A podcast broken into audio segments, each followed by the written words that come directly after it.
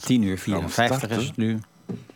De podcast. eh, Ja, nu hebben we het aan... De eh, podcast is begonnen. Ja, Voilà, de kijk. podcast is begonnen, luisteraars. Ja, die downloaders die hebben altijd toch wel een beetje extra iets. Hè, wat mensen op de Of, radio... of livestreamers, hè, want, want je kan dat ook streamen. Hè. Je moet dat niet downloaden. Hè.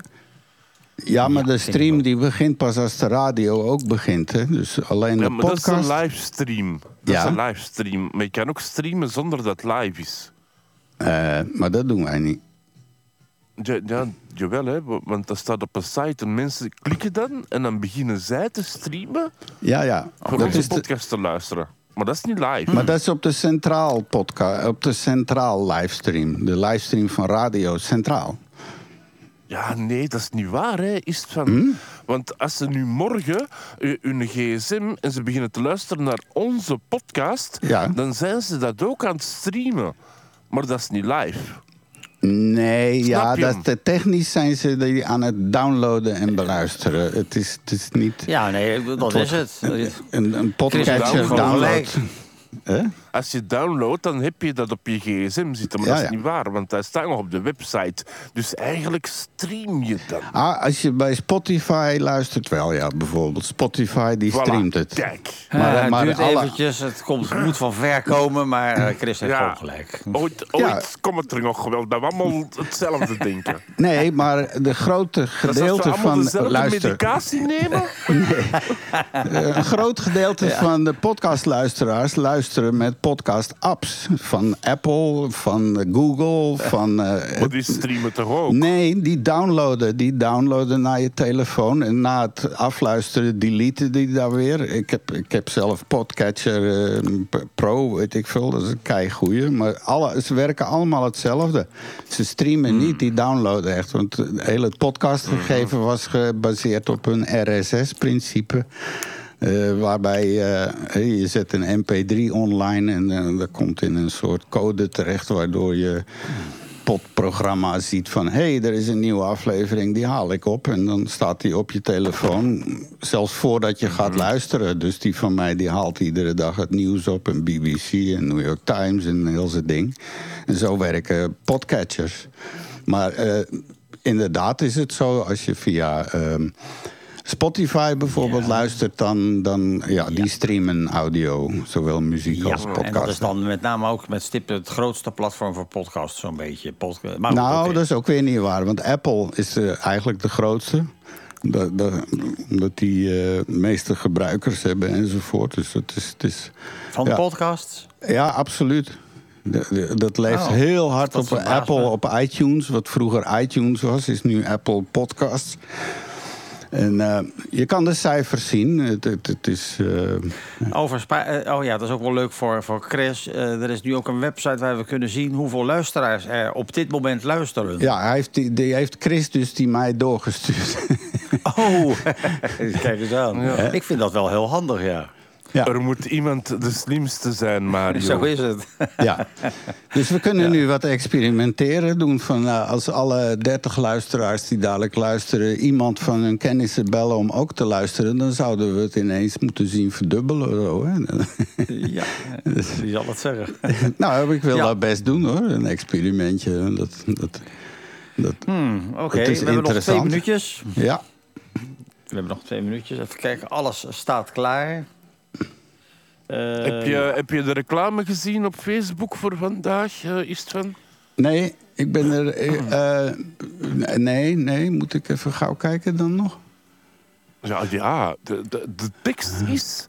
Vandaag heeft Isvan Lee Ossi zich geclowned om beter overzicht te krijgen over de Praattafel podcast. En dan zie je drie Istvans voor een radio zitten. Ik vind het wel grappig. Oké. Oh, ik, maar ik, en dat is onder jouw ding. Want ik ben nu aan het scrollen in mijn Ook feed. de maar- praattafel. Oh, de oh, praattafel oh, oh, dan moet ik naar de praattafelpagina gaan, moet ik dan. nou, dat deel ik dan meteen. Maar nu delen vrienden. Nou, ja, geweldig.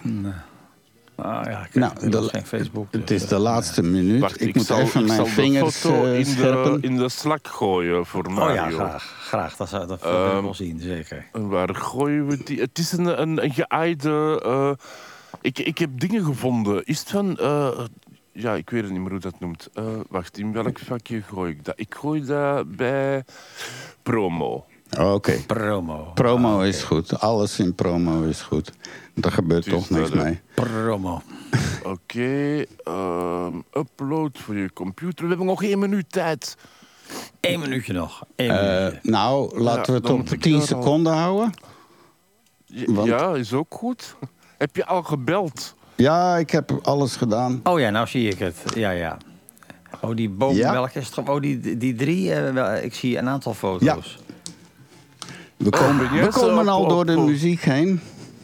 Ah, kijk eens aan. Het is zijn een we soort crossfade. We zijn een crossfade aan het doen met de laatste geluiden die Rob de Bot voor ons serveert. Met plaatselijke Ja. ijzelvorming. En ja, kijk, ik hoor mezelf Ja. op de radio. Oh, kijk eens aan. En daar gaat de ben muziek. je daar blij mee? Het was weer een eh, boeiende. Ja, ik luister toch wel naar Rob. Want eh, ik vind zijn. eh, ja, het gaat alle kanten op, maar Oh, ja. wel heel fijn, heel prettig allemaal. En Zo heel, moet het zijn. Ja. en een ontdekkingsreis of zo. In elk geval hartstikke bedankt. het is nu niet alleen aan de podcasters, maar ook aan de luisteraars op de radio. Met hun antenne in de lucht. In de streken van Antwerpen te ontvangen op 106.7. Maar dat hoef ik eigenlijk, want, want als je dit hoort, dan ben je er al. Maar zegt het voort aan anderen. Er is ook een livestream waar je dit allemaal kan horen. En natuurlijk onze chatbox. Maar allereerst gaan we maar de kop eraf halen. Hè? Zou ik zeggen, is dat geen goed idee? Oh, Dat lijkt me een prima idee. Nou, De Het kop hangt er vanaf welke kop dat je eraf wilt halen. nou de mijne. Ah ja, oké. Beste mensen, het is 10 januari 2023 in het corona scene. En u gaat mee luisteren naar praattafel nummer 113. En ik zeg u alvast welkom. Radio Centraal presenteert de praattafel. Uw afspraak voor een goed gesprek. Is van Mario en uw favoriete Chris. Absoluut. Dat is het. eh, lieve mensen, welkom dus aan tafel. eh, 113 keer al, dat is een of andere. Maar is dat een priemgetal? Ik denk het wel. Maar in elk geval, u bent welkom eh, bij Radio Centraal. En we gaan twee uur lang praten, keuvelen, eh, spreken over dingen. En ik ben, al- en ik, ik ben Istvan Leel Ussi. Ik bevind me in Oudbergen. En ik zeg hartelijk welkom. En dat doe ik eigenlijk ook. Mario uit Rotterdam. Grijs en grauw hier. Maar eh, hier binnen is het lekker warm. En eh, we gaan er een leuke show van maken. Ja. Ja. En uw favoriete Chris is er vandaag ook weer bij. Eigenlijk ben ik heel blij, want wist je is van dat we vanaf dit jaar mogen lachen met de koning zonder dat we de gevangenis in vliegen. Ah wel, dat gaan we dan eh, absoluut keihard doen. Ja, we moeten natuurlijk niet overdrijven, want we kunnen ook wel eh, de, de gewone dingen krijgen die je krijgt als je iemand uitlacht. Of uitmaakt. Maar we mogen echt lachen zonder... De, de, dat is een veel verbetering. Want vroeger wie je gewoon de- kop eraf hè, als je met de koning lachte. En, en, en daarna mocht je de gevangenis in. Maar vanaf dit Zonder jaar kop? niet meer. Zonder kop Ja, de ja, gevangenis. ja. hè? Het is Nou, zeker er bij de oude Leopold in Afrika. Handje eraf zelfs. Ja, voilà, kijk. Dus dat is niet meer vanaf dit jaar. Hoe goed is dat? Dus wij waren eigenlijk zo'n beetje hetzelfde als Thailand. Mm, Ja, eigenlijk wel. Ja, oké. ja, daar hebben ze nog steeds die lesse majeste eh, wet, zeggen ze. eh. En ze hebben nu een hele rare koning eigenlijk. Want de vorige, die meneer Boemibol, dat was toch wel... die werd echt gewaardeerd door iedereen. Maar zijn zoon is het nu geworden. En ja, dat is, die, werd, die wordt niet al te, zeer, al te serieus genomen in Thailand. Hij zit ook voornamelijk niet in Thailand, maar in Europa. Ergens in een duur hotel. En hij heeft een, ta- een aantal vreemde dingen. Eh, bijvoorbeeld eh, als, als zeg maar, eh, zijn militairen op audiëntie komen... dan worden ze geacht te groeten. Eh, eerst te groeten naar de Maarschalk en dat is zijn hond. Dus moeten ze daar ook in gaan staan. En voor, voor ja. de poeder, Royal Poedel moeten ze dat salueren. Dus dat, laat, dat, dat, dat beschrijft gelijk hoe, eh, hoe de zaken daar eh, zijn, zal ik maar zeggen. Ja, het zijn, eh, Poetin heeft ook zoiets. Hè. Die heeft een hekel aan zwetende mannen. En, en Ah. dus al de mensen die in de buurt komen van Poetin, die voor hem werken, die moeten speciale medicatie, ook zijn lijfwachten, speciale medicatie nemen, zodanig dat ze niets weten. Nee, nee, oké. Eh, mensen, ja. nog wat dienstmededelingen. We zijn al aan het praten, maar we moeten nog wat dienstmededelingen doen. Eh, de chatroom is open. Wij zouden niks liever eh, willen dan van u horen live tijdens de uitzending. En dat kan met onze praattafel chatbox. En die vind je op de website praattafel.be. En daar een rood knopje. En dat kan vanaf je gsm of whatever. En, ja, en ik hoor nu langzaam hier links en rechts eh, mensen die kennelijk heel veel plezier beleven aan wat we doen. Nou ja, dat geeft ons weer plezier om het nog te doen en blijven doen en nog beter te doen enzovoort. Eh, nog een ander experiment. Eh, volgens onze technische bronnen hier zouden er nu 30 luisteraars zijn op de livestream. Op, eh, dus eh, dat is die via het internet livestream luisteren. En ik zou eens als experiment willen proberen te kijken of dat als iedereen nu een van zijn vrienden of collega's eh, die link doorstuurt, eh, of een kennis of familie, waar dan ook ter wereld, of we dat getal dan eh, in real time omhoog kunnen krijgen. Dus van eh 30 naar Op weet ik verdubbelen. Ja. Op zijn minst verdubbelen toch. Ja. Een real-time experiment. Dus onze chatbox, praattafel.be, de rode knop. En dan eh, gaan we eens kijken of dat we iets kunnen doen. En Ja. wat ligt er allemaal op tafel vandaag? Dat is me nogal wat hoor. Want eh, Ja. eh, daar moeten we het ook eens over gaan hebben. Want verkeersdoden nemen toe, maar ook het aantal UFO-meldingen. Zou er een verband zijn? I don't think so. I think so. En wanneer Trump weer een, iets, iemand de schuld geeft van iets, maken de Chinezen ondertussen kopies van hun huisdieren. Ja, dat is heel grappig. Verder hebben we het nog over fluitende dolfijnen, urinerende hooggeplaatsten en de win for life die je zomaar krijgt als Brusselse ambtenaar. En dat gaan we vrij vroeg doen, want als dat te dicht bij het etenstijd is, dan gaat je maag omdraaien. Dat verhaal dat is te walgelijk voor woorden. Eh, Mario heeft het ook nog over een hele grote magneet. En uw favoriete, Chris, en ook de onze wel, sluit af met een gedicht over de zoete dood. Dat en absoluut nog veel meer wonderbaarlijks, althans dat hopen wij dat u dat vindt, kan je verwachten in deze 113e aflevering van de Praattafel op Radio Centraal. Welkom moet er gewoon van aan de uitgaan. praattafel. Uw moet er wekelijkse gewoon- afspraak voor een goed gesprek. Ja, inderdaad. Nou. Je moet er gewoon van uitgaan dat het allemaal wonderbaarlijks is, is het wel. Ja, maar dat, is, eh, ja, dat moeten de luisteraars uitmaken. Wij hopen, wij pretenderen dat. Ik, vind- ik vind zelf dat je altijd nooit iets moet pretenderen van. Ja. Hè? Ja, met- ik kan dat wel. Ik kan dat wel. Ja, het is allemaal wonderbaarlijks. Voilà, kijk.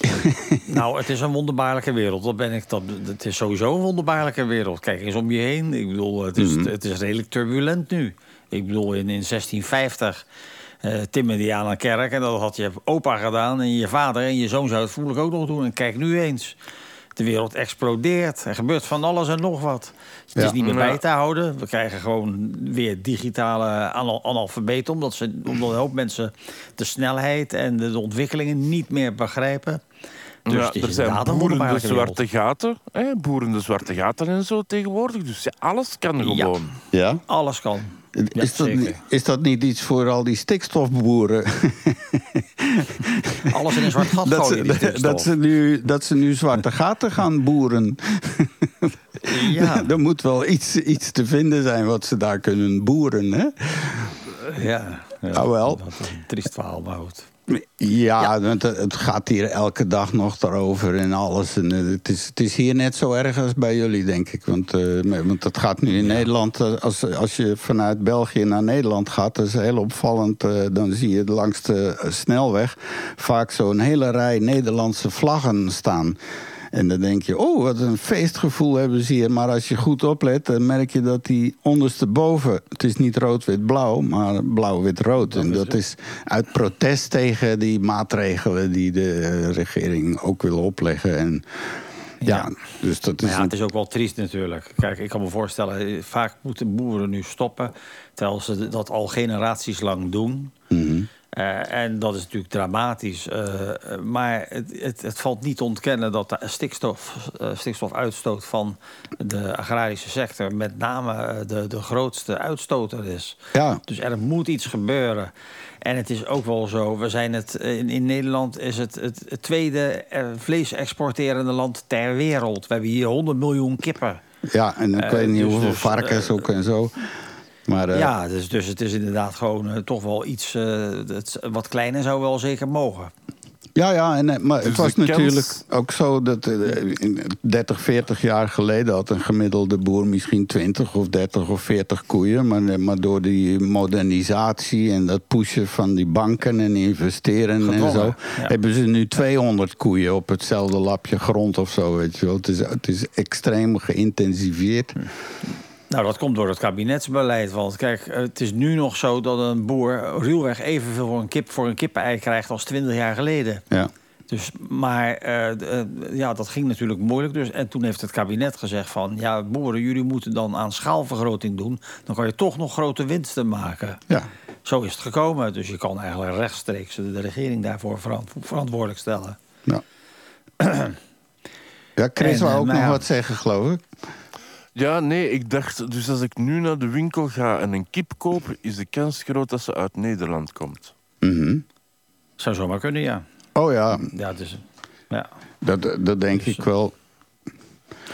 ja het, is, het is gewoon te veel. Het is echt te veel. 100 miljoen kippen en, en weet niet hoeveel varkensboerderijen. En, en eh, ja, het, het is, het, het is niet, eh, het is te veel. Nou ja, Maar ja, het was ook, al- dit was al van een paar aantal jaren geleden. Maar bijvoorbeeld Vlaanderen eet dus bijvoorbeeld, wat was het ook alweer, nog toch iets meer dan een half miljoen kippen per dag. Hè? Dat zit in, in kip. Ja, maar ja, je moet rekenen kippensoepen, kippen aan tafel. Kip zit ook in, ik weet niet hoeveel producten allemaal die je in de winkel koopt. Eh, snap je? Dus eh, dat is echt.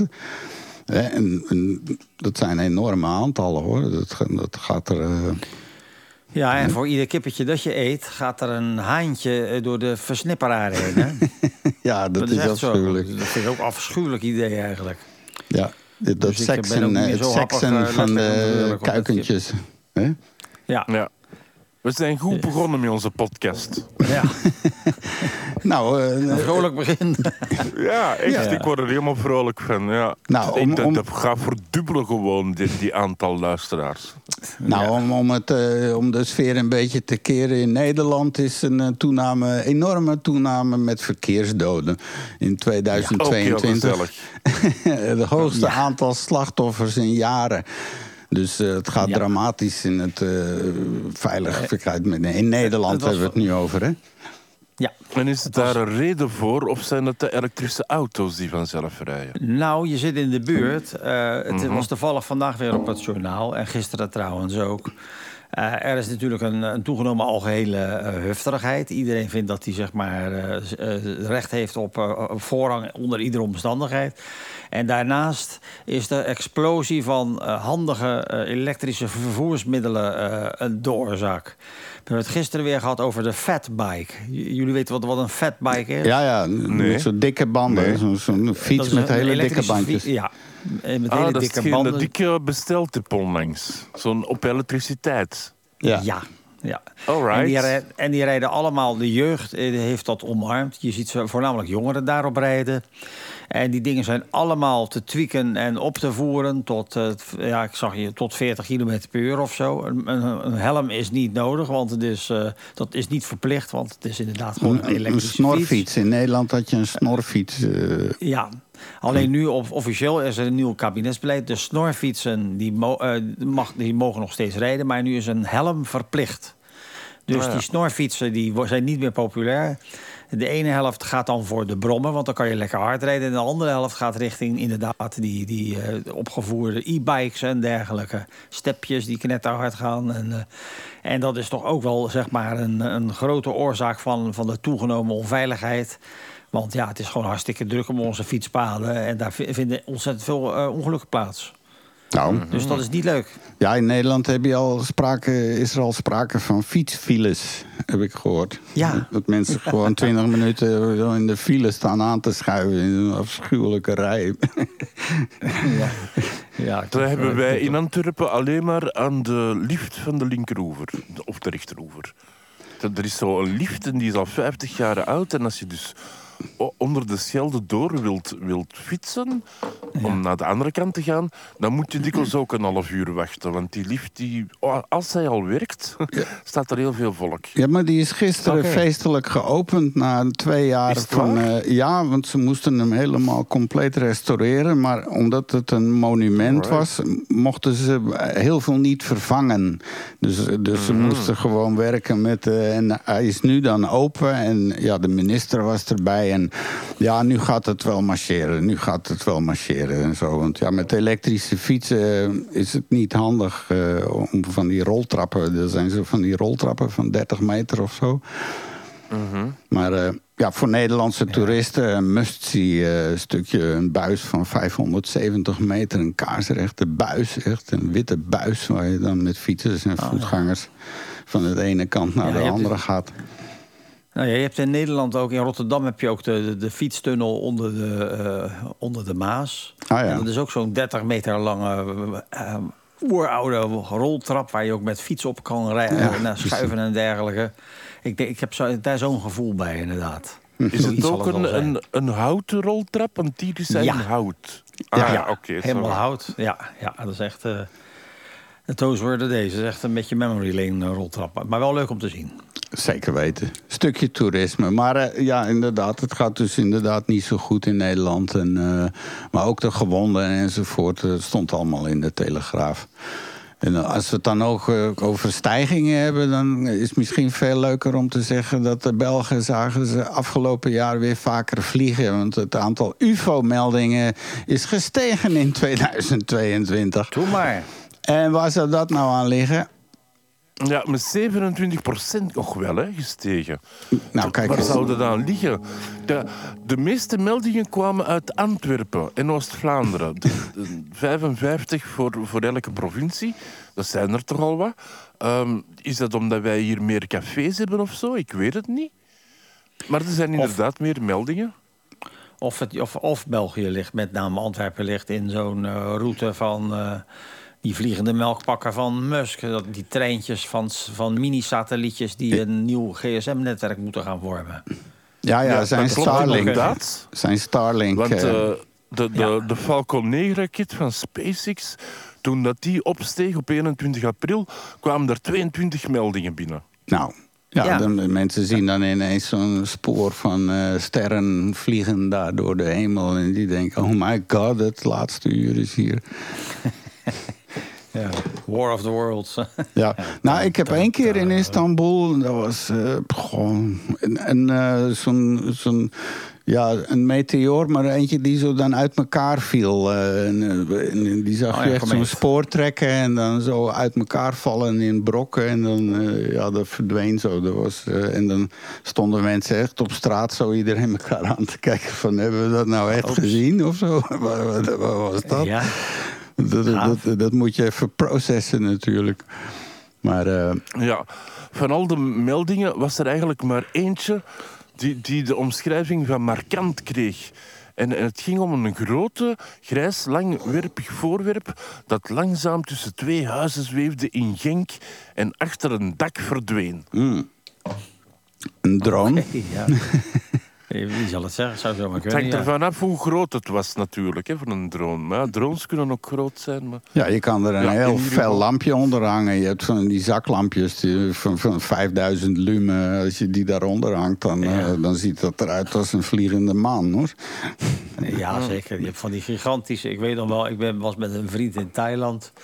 En die, die, die bouwt daar een of ander park. Bouwde hij, ik weet niet hoe het nu is. Maar ja, die had ook een, een, een lamp gekocht. De sterkste eh, lamp- zaklamp ter wereld. Met, met, ook met de 10.000 lumen of zo. En ze had ook lekker ver kijken. Dus sta je in het bos en vol verwachting gaat dat ding aan. En je krijgt een onvoorstelbare klap licht en je ziet helemaal niks meer. Alles is volledig uitgebleekt. je ziet ook helemaal niks meer. Daar heb je Het helemaal duurt gewoon niets een, van. eh, ja, wij Totaal hebben, niets. wij hebben er ooit eens bij Champ voor een, eh, een opera eentje gekocht. Want dat moest ook op het podium zo. En dat was ook zo'n, eh, inderdaad ook zo. En die gebruiken ze bijvoorbeeld om wild eh, te verstarren. Hè? Als, als je dan zo'n Ah, een hert en je doet dat ding aan, die blijft als een standbeeld. Nou, dan kan je rustig je geweer aanleggen en zo. Het is helemaal er verboden en eh, heel laf en zo. is, Dat je thee drinken. dat, beest, dat beest blijft toch wel staan. Hè, Er is geen diervriendelijk vlees, mensen. Nee. Nee. Nou, niet helemaal waar. Eh, kweekvlees. Ah ja, kweekvlees. Ja. Ja, je blijft dat promoten. Hè. Ik vind dat je ons eens moet uitnodigen voor zo een, een minuutje met kweekvlees. Een Beyond, een. Beyond Burger. eh, van- Ja, dan, dan ga ik bij. nou, ik heb geen toegang tot kweekvlees, maar ik kan het bij mezelf proberen. Ik kan een verrat nemen en proberen in een petrischaaltje die. En ook, dan kom maar langs, dan gaan we proberen natuurlijk. Klinkt heel smakelijk. Nou, ik kijk er nu al naar uit. Mm. Ja, eh, ja, ja. Goh, ja, en intussen dan eh, blijven we maar bij het eh, rare. In, eh, in China is het gewoon een, een nu heel normaal dat als je je hondje wegbrengt naar de ja, dierenarts om hem ja, aan, het- eind van zijn leven, zoals bijvoorbeeld ons hondje, we een hondje uit. eh, uit eh, asiel gehaald. En die heeft zo zijn laatste zeven, acht jaar hier heel gelukkig. Maar op een gegeven moment was het op. Maar dan in China eh, ga je dus naar die man en eh, ja, je laat hem even samplen. En je kan een paar maanden later een, eh, een kloon ophalen, geloof ik. Ja, heel bizar. Ja, dat kan dus. En ja, ik, het, is natuurlijk wel een beetje een geleidende schaal aan het worden. Eh, sommige dingen moet je ook niet echt willen. Ik weet niet, ik, ik heb hier nog geen. eh, ja, In Korea Kijk, is dat ook. eh, leuk. In Korea kan je dus ook je hond. Dat is iets van 100.000 dollar of zo kost dat nu. En dan kan je gewoon. eh, er wordt nu veel gedaan. Eh, In Zuid-Korea doen en ze dat. geëxperimenteerd. Je hebt ook al hu- huisdieren waarbij dan een, een gen ertussen is geknipt. Het, en, en dat is een gen, dat is lu- luciferine. Eh, dan heb je dus een, een, een hond die licht geeft in het donker. Dat bestaat dus echt. super. Ja. Erg handig als je gewoon je sleutels niet kan vinden en zo. Maar ja, willen we dat? Ja, dat is, dat ja, is ik nog ben, maar... al, dus, ja. ik ben al fan eigenlijk, eerlijk gezegd. Maar ik heb ooit eens een documentaire gezien en dat was ook China. En dan, dan als je huisdier dood was, dan, dan kon je iemand bellen. Die kwam dan met een bestelwagen waar dat een crematorium was ingebouwd en een pers. En, en na vier uur had je een diamantje. Oké.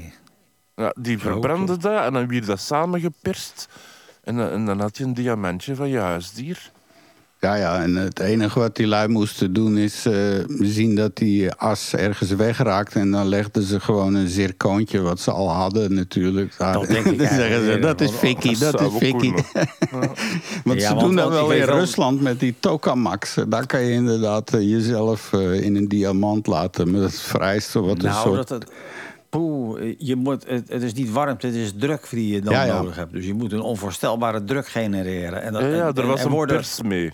Ja. Ja, alleen dan moet je wel denken... Wil je, dus industriële diamanten worden vaak gemaakt. Die komen echt in al die slijpgereedschappen, zal ik maar zeggen.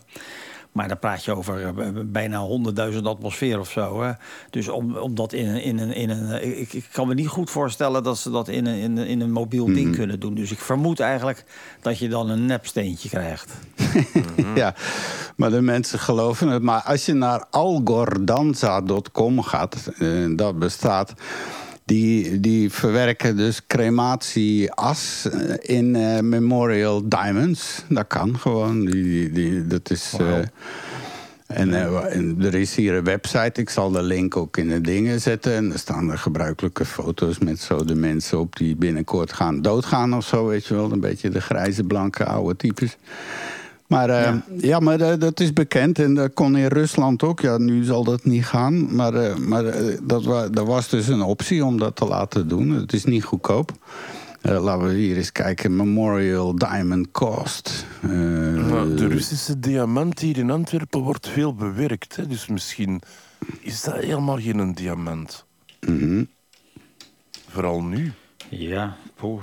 Nou, het staat hier bij 3.500 Zwitserse frank voor eh, het kleinste model. Dat is dan een 0,3 karaat diamant. eh, dus ja. Eh, ja, poeh. Ik, ik, ik kan me... Ja, maar Zou jij niet aan de, in aan de hals van een eh, schone dame willen hangen, Mario? En eh, in de, in de afterlife dat je toch denkt van... Goh, nou, eh, ik- ik, eh, dat is eh, een fijne plek voor een hangout.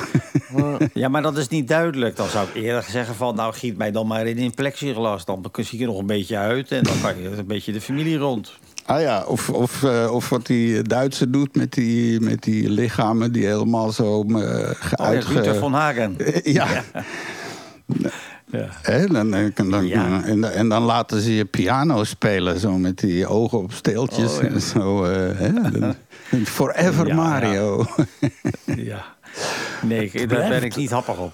Het blijft echt een gezellige uitzending vandaag, vind ik. Ja, Tot hartstikke nog toe. gezellig. We hebben, we hebben die negatieve curve hebben we snel kunnen ombuigen. Ik zal eens even kijken hoe het zit met de luisteraars. En ja, we hebben er inderdaad acht verloren. Dus we zijn goed bezig.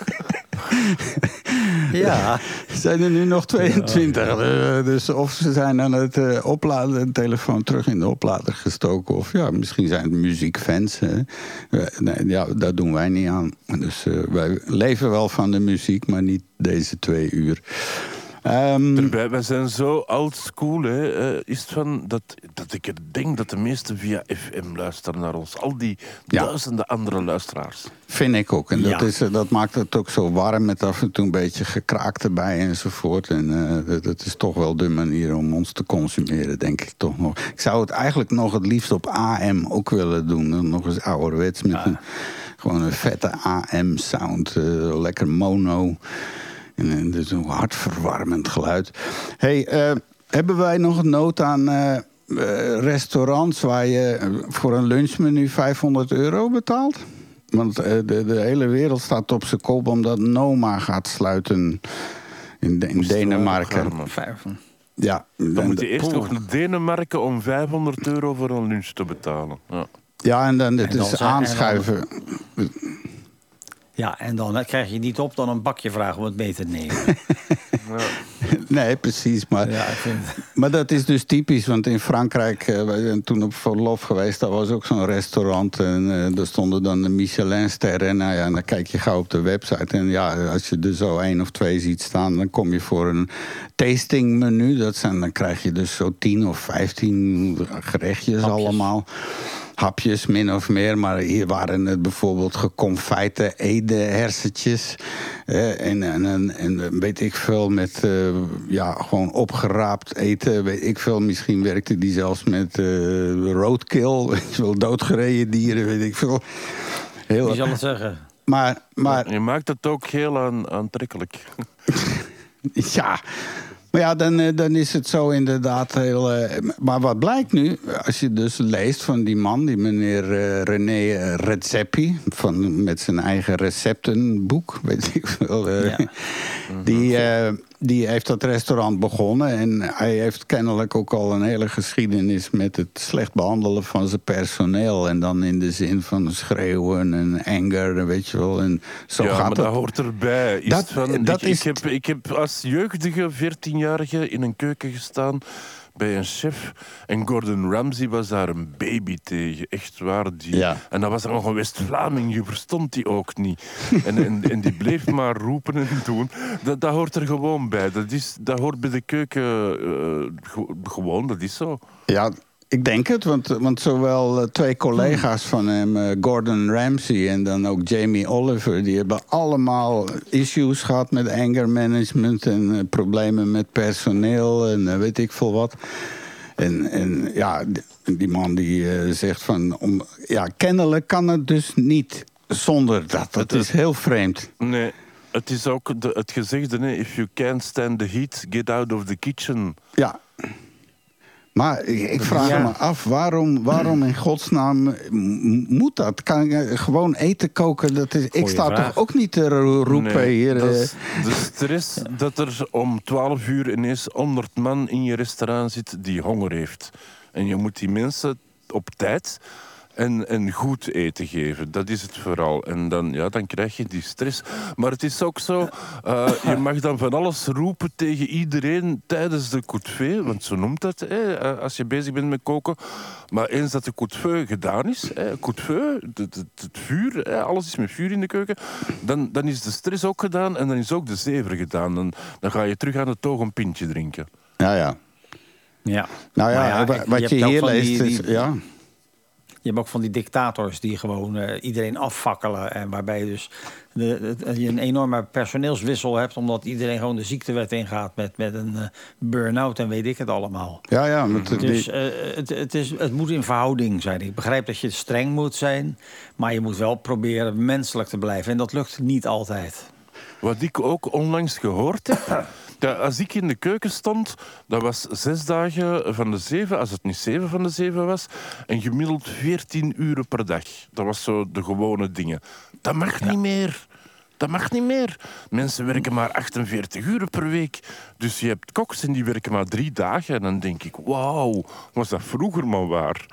Nee, maar dat was Ja. ook zijn probleem. Want eh, bij hem staat gemiddeld 15, 16 uur per dag. En ook de interns. Hè, want die, heel veel van die toprestaurants en andere dingen... die draaien op interns. Want ja, als jij daar eh, een jaar als intern meedraait... met het eh, voorbereiden van de koekjes of zo... dan kan je dus daarna de wereld in. En je krijgt overal wel een baan. Hè, want je hebt dan natuurlijk met de wereldkampioen betalen gewerkt. hè, in sommige restaurants. Ja, voor- nu voor moet hij ze gaan betalen en dan gaat het dus niet meer. Hij zegt, als ik die mensen inderdaad allemaal echt loyaal moet betalen... zodat ze een woning hebben en weet ik veel... en dat ze vrije tijd hebben, dan is het gewoon niet meer rendabel. Dan zou die misschien wel 2000 euro Goh. voor een lunch moeten vragen. Vreselijk. Dan kunnen mensen inderdaad voor 450 euro geen eh, eh, macrobiotische boomstronkpudding meer eten. Hè, wat jammer. Ja, moeten we dat nog hebben? Dat soort extreem... eh, Ja. want op tv word je doodgegooid met die masterchef... en dat is allemaal ook Ik van er dat... doodziek van. Je, je kan Ja, dat niet aan de andere kant is het van... Je hebt dat in de kunstwereld ook. Hè. Er zijn er kunstenaars die subsidies krijgen van de staat dat je denkt, is dat wel nodig? Dus je hebt dat wel in, in, in alle sectors, denk ik. Ja, maar het is ook wel een beetje mode. Hè? Want ik, ik, ik hou van klassieke muziek. Je hebt ook wat van die muziekprogramma's op tv gehad. En ik ben helemaal afgehaakt. Toen op een gegeven moment eh, eh, weer zat te kijken naar zo'n eh, aflevering van klassieke. Het ging over Schubert, geloof ik. En dan zit er op de achtergrond een of andere vent te bakken. Van, maar waar is, dat, waar is dat voor nodig? Waarom moet dat? Het slaat toch helemaal nergens op, man? Nee, nee ja, dat is eh, da- het brengen het in de huiskamer. Hè. Dan, eh, dat, Ja, dat, ja. dat, dat is nou niet bepaald VPRO's eh, op zondagochtend of zo. heel raar allemaal. Maar ja, ja, dat is voor die mensen die grijpen natuurlijk elke kans voor promotie aan. eh, dat- dat Ja. snap ik ook wel. Ja. Nou ja. Nou ja, oké. Ehm, ja, maar eh, dus dat soort. Want hier, eh, hier in restaurant hebben we, of hier in Antwerpen, de Jane. Hè? En dat is ook zo'n. Dat is ook eh, goed Daar sta je een half jaar. Ja, dat is ook zo van die. Hoe heet die gast ook alweer? Eh, ik ben zijn naam even kwijt. Sergio Hermans. Sergio Herman, ja.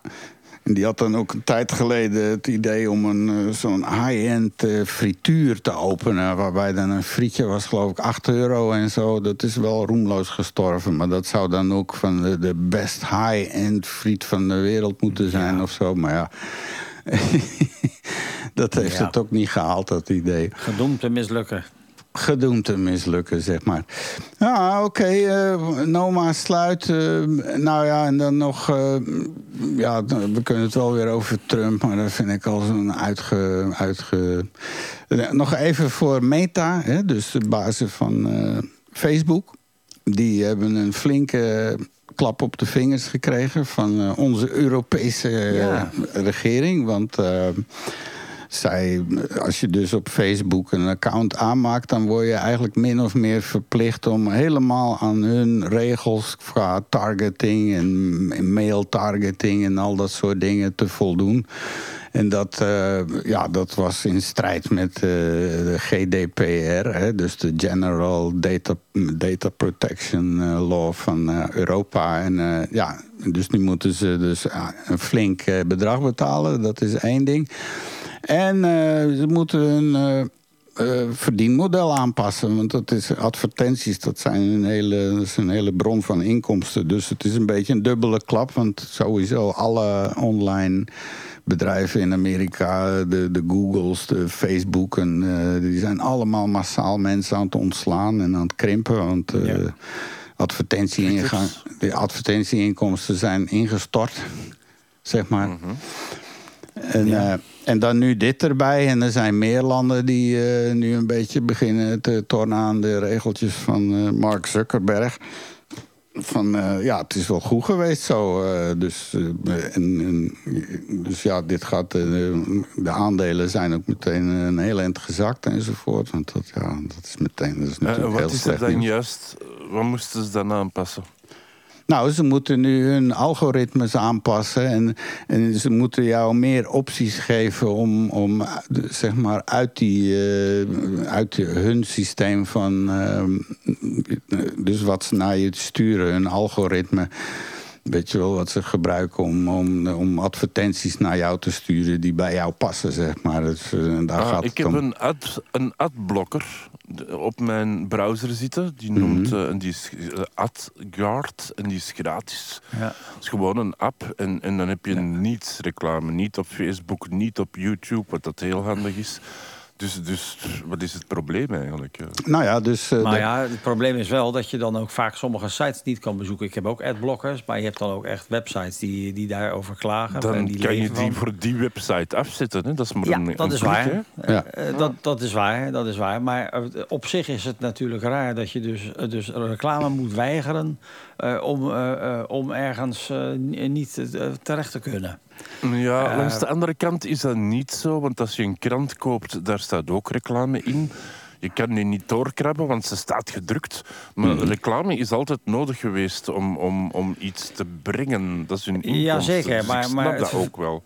Maar het vervelende is, heb je geen reclame, dan ben je zelf het product. En dat, dat zien ook steeds meer mensen. En dat is geen prettig idee. Ik- Het is ook niet fijn om te weten dat je hele leven digitaal in kaart gebracht wordt. En dat je dus alleen maar zooi te zien krijgt. eh, die, die, die, waarvan men denkt dat dat voor jou relevant is. Ik, ik kies liever zelf. Dus Ja. het is, ik eh, het snap is dus- ergens wel wat dat je bedoelt, want ik krijg elke maand zo een mail van Google. En die laat dan mij een kaartje zien waar dat ik overal geweest ben die maand. Ja. En Ah, dan ja. zie je dat je eigenlijk een hele maand in je kot hebt gezeten. dat je nergens bent geweest, dat je saai leven hebt. Ah, ja, ja. ik snap het, Mario, wat dat je bedoelt. Ja. Nou, Dus, ja, eh, dus hier, hier in het geval van eh, eh, Meta, dus Facebook, ging het erover dat in het. eh, ja, dus als je dus een, eh, ergens op een website of wat ook, dan is er zo'n eh, Terms of Service hè, agreement. Je moet dus aanklikken van ja, ik heb dat gelezen en ik heb dat gelezen. Nou, en ergens diep begraven, daar stond dan taal in die dus effectief op neerkwam dat als je, je, moet je, eh, je moet toestaan om jouw data eh, te laten gebruiken voor pe- gepersonaliseerde advertenties. Of eh, alle meta social media services worden afgeknipt. Dus het was gewoon een alles of niks soort van ding. En, Ja. en, en dat was in strijd met de Europese privacyregels enzovoort. Dus, Ja. hey. dus ja, dus ja, nou, dus ze hebben drie maanden nu om, eh, om een nieuw systeem en, eh, te laten zien hoe ze dat nu gaan doen. Dus we krijgen dan waarschijnlijk eh, volgend jaar of zo, een, of, of begin zomer, wanneer en zullen we waarschijnlijk de, de, uw gebruikersovereenkomst is aangepast, gelieve die te lezen en opnieuw goed te keuren of zo. Maar eindelijk, want eh, ja, die lui die komen overal mee weg voorlopig. Hè. Die Googles die betalen Ja. nergens belasting en Facebook ook niet. En eh goh, dat is ook... Hè. Ja. ja, het is triest, maar waar. We zijn overgeleverd aan de goden, aan de digitale goden. Ja, zeker. Maar er is een eh, redding, hè, want je hebt een, een, er zijn, nu van Twitter zijn heel veel mensen vertrokken naar Mastodon. Eh, Dat is een, eh, helemaal open source. Er zit geen enkel bedrijf, geen enkel advertentie, geen enkel algoritme tussen. Eh, Dat is, eh, dat is ook een boeiend. Nou, eh, Tr- Trump heeft ook zo'n Twitter-achtig iets. Hè? Misschien moeten we allemaal daar naartoe. Truth Social, ja, nee, nee. Dat, gaan we- dat is helemaal een hangout van de, de, de creeps. Eh, de- de- ja. ja, griezelig. Nee, nee, dan gaan we maar. eh, la- laten we dat maar eens een keer niet doen. Maar we gaan wat anders Ja. doen. Minike, wat we kunnen leren van de natuur. En elke keer verbluf je ons weer of het nou nanometrische structuren in vlindervleugels zijn of eh, weet ik veel wat. En eh, ik, ik weet zeker dat je vandaag nog weer wat iets hebt wat we kunnen leren van de natuur. Ja, ik, ik wil het gaan hebben over eh, tsunamis en over dolfijnen. Laten we beginnen bij de tsunami. Dat zijn golven die tientallen meters hoog kunnen zijn als ze de kust bereiken. Maar die zijn in de open zee maar een paar decimeter hoog. Maar ja, uiteindelijk komt het aan de kust en dan komt de zeebodem omhoog. En dan, dan, krijgt, dan wordt zo ontstaan die hele grote golven. Eh, die zou je graag willen detecteren om te kunnen waarschuwen. Maar dan moet je dus hele gevoelige druksensoren op de bodem plaatsen. Onder passerende golven. In wateren tot 6 kilometer diep. Dat is niet niks. Dan moet je ver- vervolgens die gegevens naar, naar, naar een boei in het o- oceaanoppervlak sturen. Alwaar ze dus doorgestuurd worden naar een satelliet voor distributie naar een centrum van eh, eh, waarschuwing. Alleen het verzenden van gegevens door kilometers water is, is niet makkelijk. Geluidsgolven eh, die zijn natuurlijk eh, onder water uniek... omdat ze hele lange afstanden kunnen afleggen. Die weerkaatsen en die interfereren destructief met elkaar bij- reizen. En dat maakt het allemaal niet altijd nauwkeurig. Want die, die, die die uitzendt, die vers- verspreidt zich in alle richtingen. Hij reist ook naar het wateroppervlak en de oceaanbodem... en stuitert op beide en komt weer terug... Eh, en dat, dat is interferentie. Ik denk maar aan een kerkklok. Ik heb zelf aan de overkant bij mij een kerkklok. Als die luidt, krijg ik iedere, iedere bel krijg ik twee keer te horen... omdat er ook een flat tegenover mij staat. Eh, ja, dat is dus een probleem. Dus je zou dat eigenlijk wat beter moeten kunnen doen. Komen we bij die dolfijnen. Dat zijn hele slimme zeezoogdieren. Die communiceren met elkaar. Die zenden breedbandfluitjes uit en klikken. Eh, eh, en die sturen zo dus signalen naar elkaar toe. Zij kunnen dat geluid waarnemen als kleine drugschommelingen. En ze kunnen zelfs de oproepen van specifieke individuen... hele kenmerkende fluitjes zijn dat... tot op 25 kilometer afstand herkennen. Wat dus aantoont dat ze dus in staat zijn om heel nauwkeurig te kunnen communiceren. Ondanks dat medium water. Nou, als je in de open lucht krijgt en wil je iets eh, 25 kilometer ver eh, schreeuwen... dan moet je aardig schreeuwen, dat gaat je niet lukken. Eh, ja, eh, dus, dus dat is niet zo complex als water... maar het heeft ook he- een, dus een hele andere dynamiek. Hoe doen eh, die, die, die, die dolfijnen dat dan? Hoe Wij doen die, die dolfijnen dat dan? Hoe doen die, Hoe die, die, doen die, die, die, die- Juist. Maar terwijl mensen geluid produceren door lucht langs eh, trillende weefsels te sturen, dat zijn onze stembanden, hebben dolfijnen trillende weefsels in hun neusgaten, die worden klanklippen genoemd. Ook goed dat wij dat niet zo hebben. Het zou er niet uitzien, zo'n klapperende neus. Maar goed, dat even tussendoor. De geluiden die ze produceren, die vallen doorgaans in drie categorieën. Dat zijn fluitjes, dat zijn klikken en dat zijn burstpulsen. Dat zijn reeksen hele snelle klikken. Een soort geratel krijg je dan. Ah ja, ja. Daar heb je klikken, die worden voornamelijk... Daar heb je klikker. nee, dat is waar. Maar dat klikken, dat wordt voornamelijk gebruikt voor echolocatie. Dat is een beetje op de korte afstand. Heeft een heel smal frequentiebereik. Dat werkt, ja, is echo. eh, denk ik maar aan eh vleermuizen, die doen dat in de open lucht. De fluitjes en die burstpulsen... die worden meer gebruikt voor communicatie tussen dolfijnen onderling. En die bestrijken, en dat is een beetje de truc... een onvoorstelbaar groot scala aan frequenties... van laag tot hoog, zelfs tot ver buiten het bereik van het menselijk gehoor. Dus deze breedband van die fluittonen en die burstpulsen... die zorgen ervoor dat eh, eh, die boodschap toch aankomt na 25 kilometer... als dat naar de ontvanger gaat. Nou, hoe werkt dat? Voor lucht Bij kamertemperatuur is de geluidssnelheid zo'n 343 meter per seconde. Daar weet iets van natuurlijk alles van. Ja, Oftewel, ongerekend is dat 1234,8 kilometer per uur. ja dat is mag Water. 1. Mag 1 is dat. In water gaat dat met 5436 kilometer per uur. Oftewel, mag 4 dan, of bijna mag 5. Ja, ja, ja. Bam, dat gaat dus razendsnel. Dus dat gaat stukken sneller dan eh, in land, eh, in de lucht zal ik maar zeggen. Mhm. Dus eh, hoe, hoe werkt dat dan? Eh, dat, ik heb al uitgelegd dat al die signalen stuiteren en het botst met andere delen van de golf. Die interferentie, dat is dus een enorm probleem voor dat geluid. Eh, maar die breedbandsignalen die kunnen deze interferentie eh, compenseren, wat, wat, wat, eh, waar die dolfijn gebruik van maakt. Nou dus als een deel van het signaal op de ene frequentie wordt gestoord, kan het nog steeds op een andere frequentie doorkomen en kan een heel bericht worden verzonden zonder dat die betekenis vervormd wordt. Wauw. En wat is het potentieel? Er is een bedrijf met de naam Evologics. Die hebben deze oplossing gebruikt om een hele effectieve akoestische modem te on- ontwerpen. Die informatie codeert als geluidsgolven en verzendt en decodeert aan de andere kant.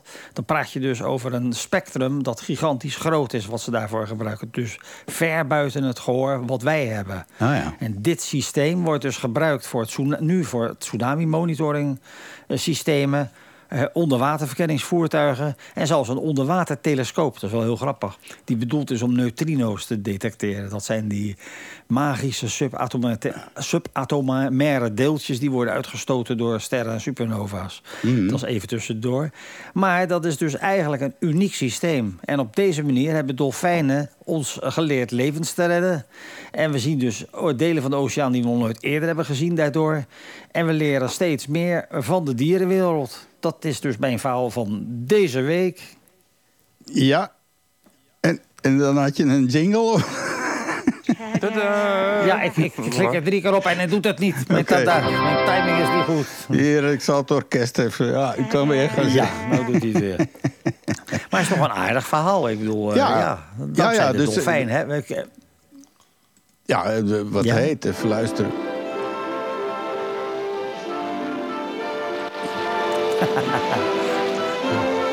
ja, ik word weer jong. Daar heb je flipper, flipper.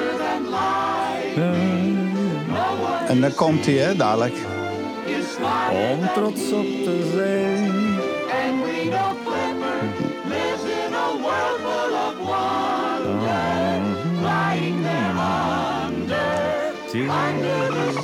Ja. Dat was hem. Dat was hem. Maar dat waren geen klikjes, dat waren echt geluidjes. Dus dat klopt eigenlijk helemaal niet. Ik ben er zeker van dat we nu tien luisteraars minder hebben dan er juist.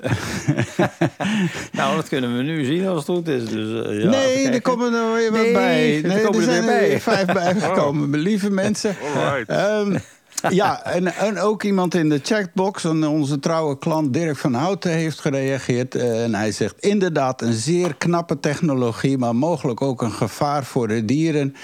En de oorzaak dat er soms massaal walvissen en dolfijnen op strand liggen? Met een vraagteken. Eh, ja, Zou dat daarmee... nou dat zou zomaar kunnen inderdaad. Het is natuurlijk onder water een, een gedoe van je welste. Heel veel dieren maken geluid.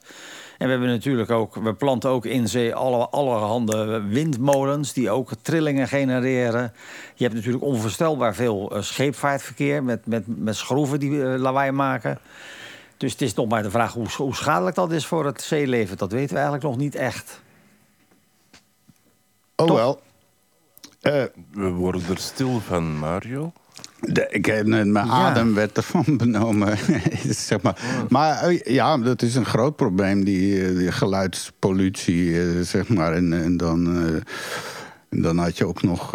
dit jaar was het, of wat was het, afgelopen week was de eenjarige herdenking van die krankzinnige explosie daar in Tonga, die, die onderwatervulkaan. Dat waren geloof ik 100 eh, Hiroshima-bommen. En, en ze hebben de geluidsgolven, die, die heel laag waren, 0,23 hertz of zo. Maar die zijn drie keer ro- rond de planeet gegaan. Echt hebben ze helemaal kunnen Ja, meten. oh, Achteraf ja, bizar, allemaal. hè? Ja. Dus eh, dat was een, eh, een, een rotte klap. Dus oké, dus dat was voor de bio. Ja. Dus we weten nu hoe flippertjes met elkaar eh, spreken enzovoort. Hè. Trouwens, Ja. over die, die complexe tonen. Dat was een aantal, eh, was een jaar geleden hoorde ik een. Eh, een podcast over onderzoekers die dus eh, voor vogelgeluiden gingen analyseren. Die, namen, die maakten opnames van dat gechirp, maar dan op een zeer hoge sampling rate. Dus met een enorm hoge resolutie zodat ze dat achteraf eh, konden vertragen en vertragen en vertragen. En eh, op een gegeven moment werd duidelijk dat er wat gewoon een, een piep leek. Dat dat bestond uit van eh, een warbel, dus een soort... eh, als je nog heel vroeger op de FM-radio had je zo'n... Dat waren van die pagers en zo- zo'n soort tonen. En dan blijken dat die beesten zeer nauwkeurige series van toontjes produceren. En ook in herhaling. Dus dat is niet random of zo. Dus kennelijk zitten daar allemaal ook boodschappen in naar elkaar verborgen. Dus, dus een soort communicatiesysteem. En eh, dat is niet zomaar een chirp. Maar de ene chirp die kan eh, een code bevatten van hier is er eten of hier is er drinken. Weet ik veel hoe, hoe ver dat Ja. allemaal gaat. Dus ja, als je maar een beetje nauwkeurig kijkt en eh, beter kijkt naar wat er Zo aan de hand het. is op microniveau, dan ineens dan ontstaat er een heel nieuwe werkelijkheid. Hè? Nou ja, het is, het is absoluut zo. Wij, hebben wij nemen de wereld waar in onze bandbreedte. Dus wij zien van, van 400 tot 700 nanometer. En we horen tot zo'n 6 kilohertz. Ze- Ja, als, je, als je jonger bent, dan gaat het een stuk hoger.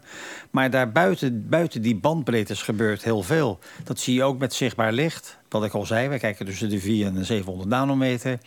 Insecten die kijken vaak veel, eh, veel meer in UV. Dat zijn veel kleinere frequenties. Eh, eh, dat is natuurlijk, eh, dat, wij hebben dat niet. Wij hebben UV-filters, want wij moeten heel lang met onze ogen doen. Maar zo'n insect, die, die, die heeft een, misschien maar een paar maanden te leven. Ah ja. En die kijken vaak in ultra- ultraviolet licht. En je ziet ook, als je bijvoorbeeld de teunisbloem neemt... die nemen wij waar als een witte bloem. Maar als je dus dat omzet in wat een insect ziet, eh, dus in UV... dan zie je echt een landingsbaan voor, voor een bij. Van hier moet je zijn, daar zit mijn, daar zit mijn stuifmeel, begrijp je? Ah ja, oké. Dus, dus inderdaad, veel zien wij gewoon niet en nemen niet waar, maar het is er wel.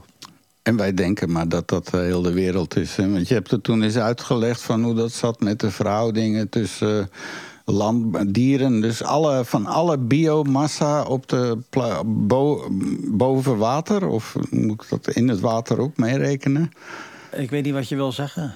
Nou, dat was die eh, vergelijking dat, eh, wat was het, eh 60% was eh veestapel. Oh ja, het, ja het, is, het, het merendeel is nu in. Is, is- het absolute merendeel is nu inderdaad van, van alle biomassa.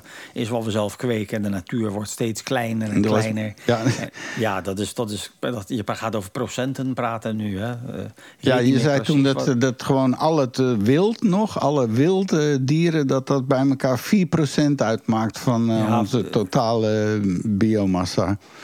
Oh ja, de mens het was zoveel, de, veestapel was zoveel en de natuur was 4% of zo.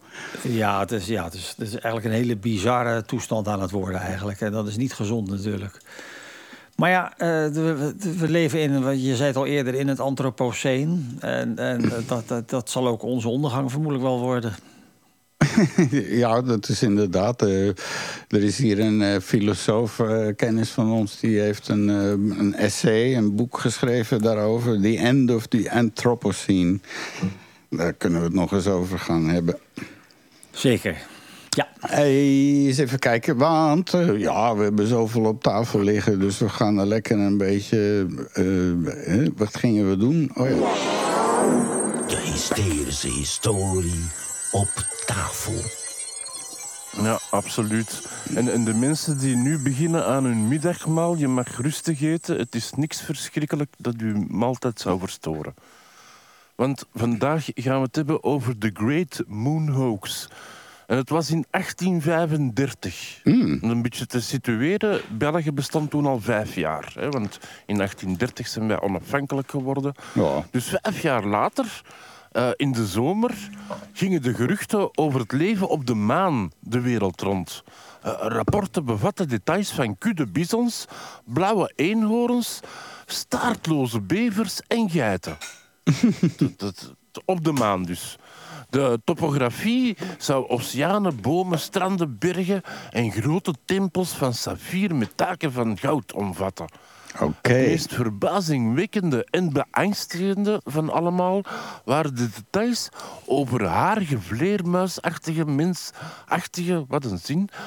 eh, de, de overharige vleermuizen, mensenachtige met grote vleugels op hun rug. En, en dit alles werd waargenomen door een verbazingwekkende uitvinding van een enorme telescoop in Kaapstad. Dat is in Zuid-Afrika. Het had een lens van een diameter van een meter twintig. En een buis van 12 meter lang. Eh, het was een eh, vergrotingsvermogen van 6000 keer. Oké.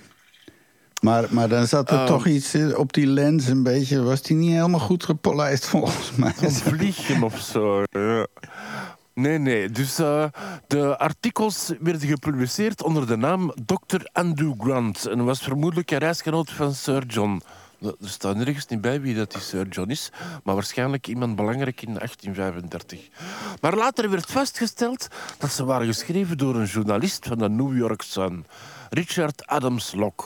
En, je, en je moet weten, dat is 30 jaar voordat Jules Verne zijn reis naar de maan schreef. hè. Dus de, waar zou Jules Verne zijn, zijn, zijn mosterd gehaald hebben?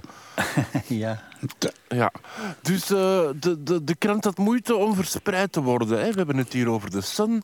En, en toen dat het artikel in de krant kwam, en het was een aflevering uit zes delen, eh schoot de verkoop met 19.360 exemplaren de lucht in. Wat dat heel veel was voor die tijd, eh, hè, 1835. Dus de vier kolommen beschreven de mensachtige die door krachtige telescopen werd bekeken als ongeveer een meter twintig lang, met koperkleurig haar, dat al hun lichaam bedekte, behalve hun gezicht, en ze hadden vleugels op hun rug, van de schouder tot de kuiten. Lijkt me Zo, wel handig. Ja, lijkt me wel handig. Eh, ja. En in het vijfde en het zesde deel werd melding gemaakt van het bestaan van een gebouw gemaakt van saffier met een dak van goud. En dat werd de maantempel genoemd.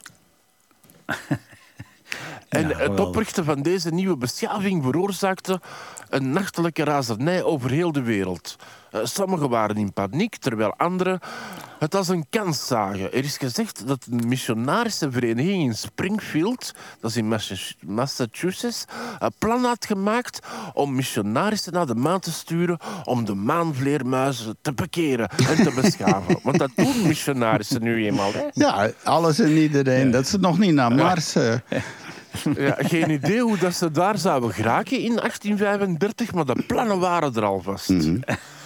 ja. En lezers Ah, van ja. The Sun wachten met spanning om meer afleveringen van de berichtgeving over de nieuwe beschaving en de maanmensen. De wereld werd geconfronteerd met de extreme teleurstelling toen werd gemeld dat de telescoop in de oostelijke lichting was gelaten en de zonnestralen die door de lens kwamen veroorzaakten een vuur en de telescoop werd vernietigd. Dus ze konden niet meer verder schrijven.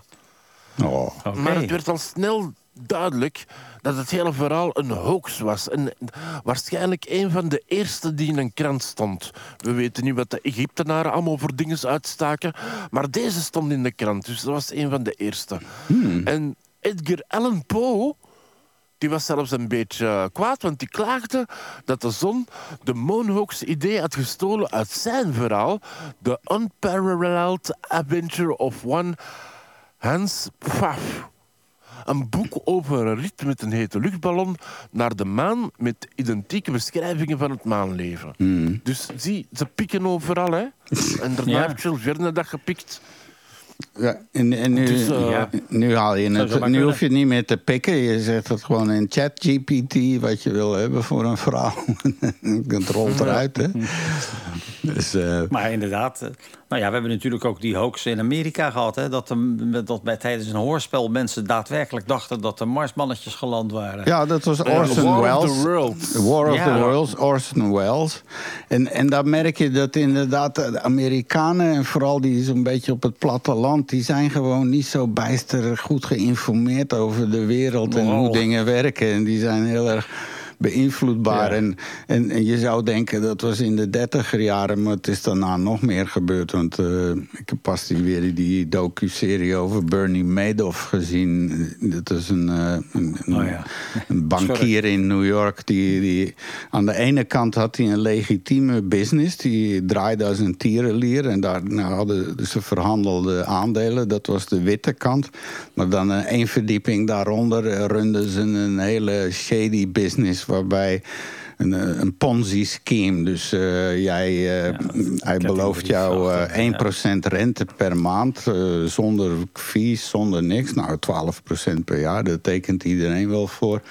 Dus jij geeft hem een miljoen dollar.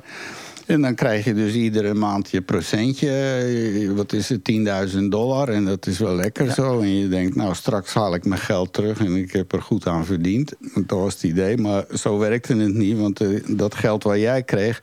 dat kwam rechtstreeks van nieuwe klanten... die hun geld aan hem gaven. dat. Ja, en zo werkte een ponzi en dat ging uiteindelijk, liep dat de spuigaten uit. En op een gegeven moment kreeg hij een controle van de SEC, van de bewakingsdienst daar, van de aandelen. En die stuurde zo twee van die juppies. En eh, hele, eigenlijk ja, totaal eh, jonge mensen die helemaal niet ervaren waren. Nou, die werden de oren van hun kop geluld, om het zo maar eens te zeggen. En die gingen terug en die zeiden groen licht, ja, niks aan de hand. Op dat moment was de hele piramide ongeveer 6, 7 miljard dollar. Eh, toen zijn ze in overdrijf gegaan en is het in drie of vier jaar tijd opgelopen naar 65 miljard dollar.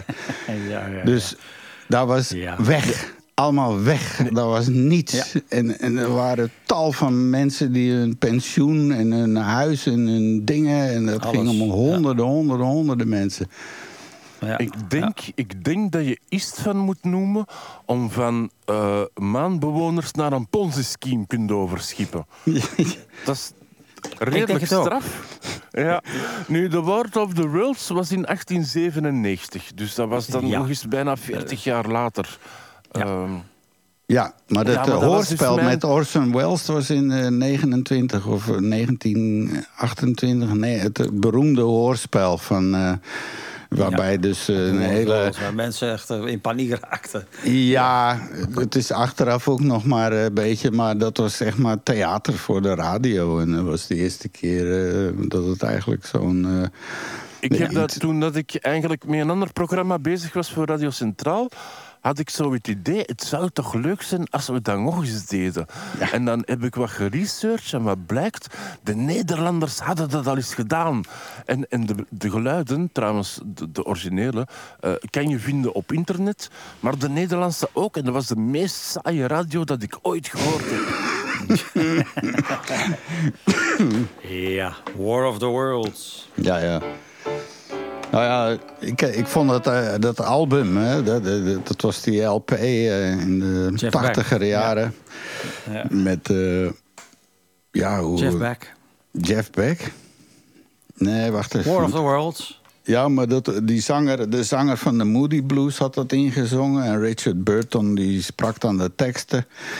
En daar zat inderdaad een, een of andere soort genie, componist achter. Nou, dat was volgens mij Jeff Beck. Eh, Even, controleren hoor. World album. Eh, die is pas nog weer geremasterd. Jeff Wayne. Die was half goed. Oh, dat is, dat is zijn broer volgens mij. Nee, inderdaad. Jeff Beck is die Wayne. Ja, ja, gitarist. nee, eh. Jeff Beck is Oh, ja, ja, die supergitarist. Maar Jeff Wayne's... eh, ja, en ik had dat album, man. Ik heb dat voor en achteruit gedraaid. En eh, dat was echt een waanzinnige productie was dat. was echt iets waar je mond van open viel. Hoe iemand dat voor elkaar kreeg. En een dubbel album. En ja, tot op de dag vandaag staat het als een huis, hoor, dat ding. Ja. Dus... Ja, via War of the Worlds. Dat is niet zo moeilijk, eh, want die melui zijn toch langs de maan gekomen. En, en Mario kwam met dat... eh, of nee, hij kwam zelf met die... eh, met die War of the Worlds, kwamen die niet uit de grond? Zaten die al niet op aarde? Of is dat pas later in de film daar eh, Ja, maar ze kwamen wel van Mars, maar ze hadden zich ingegraven tot het juiste moment om eruit te komen. Zoiets was het volgens mij. ja, die, die, die capsules 100.000 die gingen dan open. Die, die, capsule, die capsules gingen dan open nadat ze afgekoeld waren. En daar kwamen dan die driepotige enorme beesten uit... die dan uiteindelijk verslagen zijn door eh, onze kleinste virus. vriendjes op Ja. deze aarde. Dat zijn natuurlijk... Ze waren niet bestand tegen onze ziektes. Ja, nu zou het COVID zijn. Hè. Als er een alien komt, die ligt na drie dagen aan de luchtbeademingsapparatuur. Ja. Ligt hij plat op de buik met een, buis in het, eh, in de strot geschoven, inderdaad. Ja, als hij Ja. die heeft. Ja.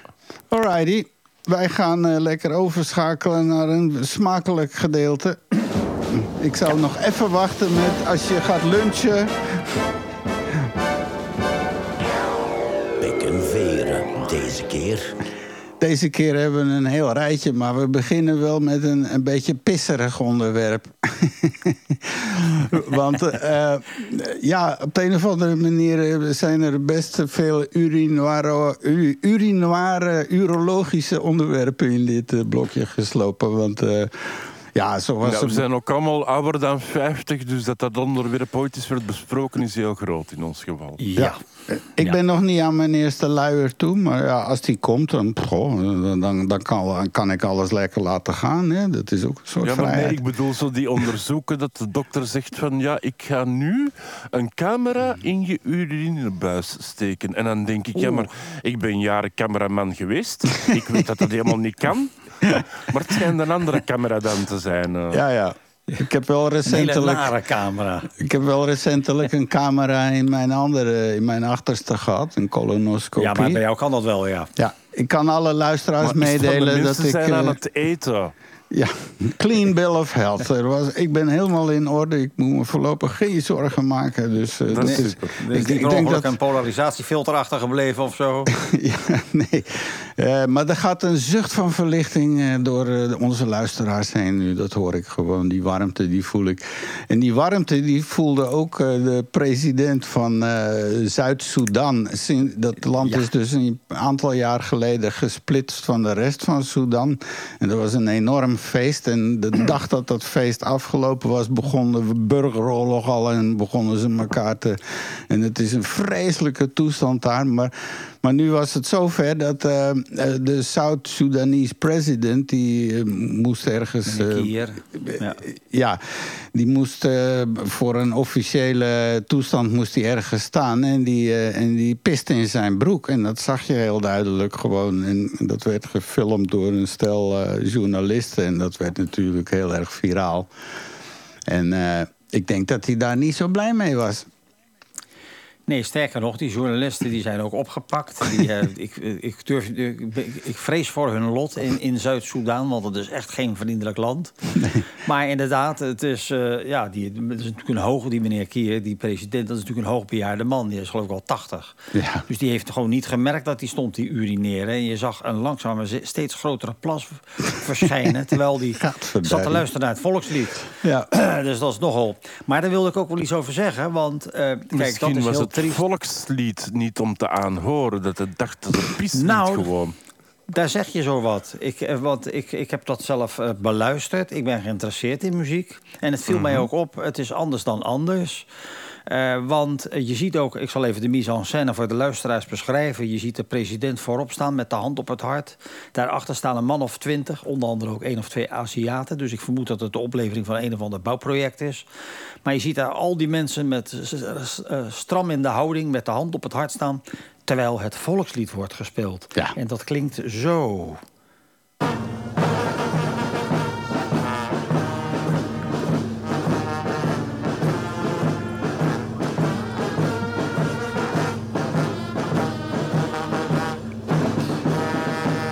Heel plechtig allemaal. Ze kijken nog steeds strak vooruit. Ook echt heel erg Want Afrikaans dit hoor. is een, dit is een heel... Ja. dus dit Niks is een heel bijzonder... Nu, eerlijk en ik dacht gezegd, van- als, je, als je met carnaval naar Aalst gaat, met alle respect voor Zuid-Soedan, maar dan Nou. hoor je hetzelfde ongeveer. Maar die mensen zijn dan ook dronken. Nee, maar eh, dat zou zomaar kunnen zijn. Want ik ben dus gaan zoeken naar eh, volksliederen, eh, nationale volksliederen. En ik heb er een andere gevonden, dat is net zoiets. En dan is dus, dan, dan, dan heb ik wel een vraagje voor jullie. Is dit zeg maar het volkslied van Oeganda? Is dit het volkslied van Tajikistan? Of van Oeteldonk. En waar ligt Oeteldonk?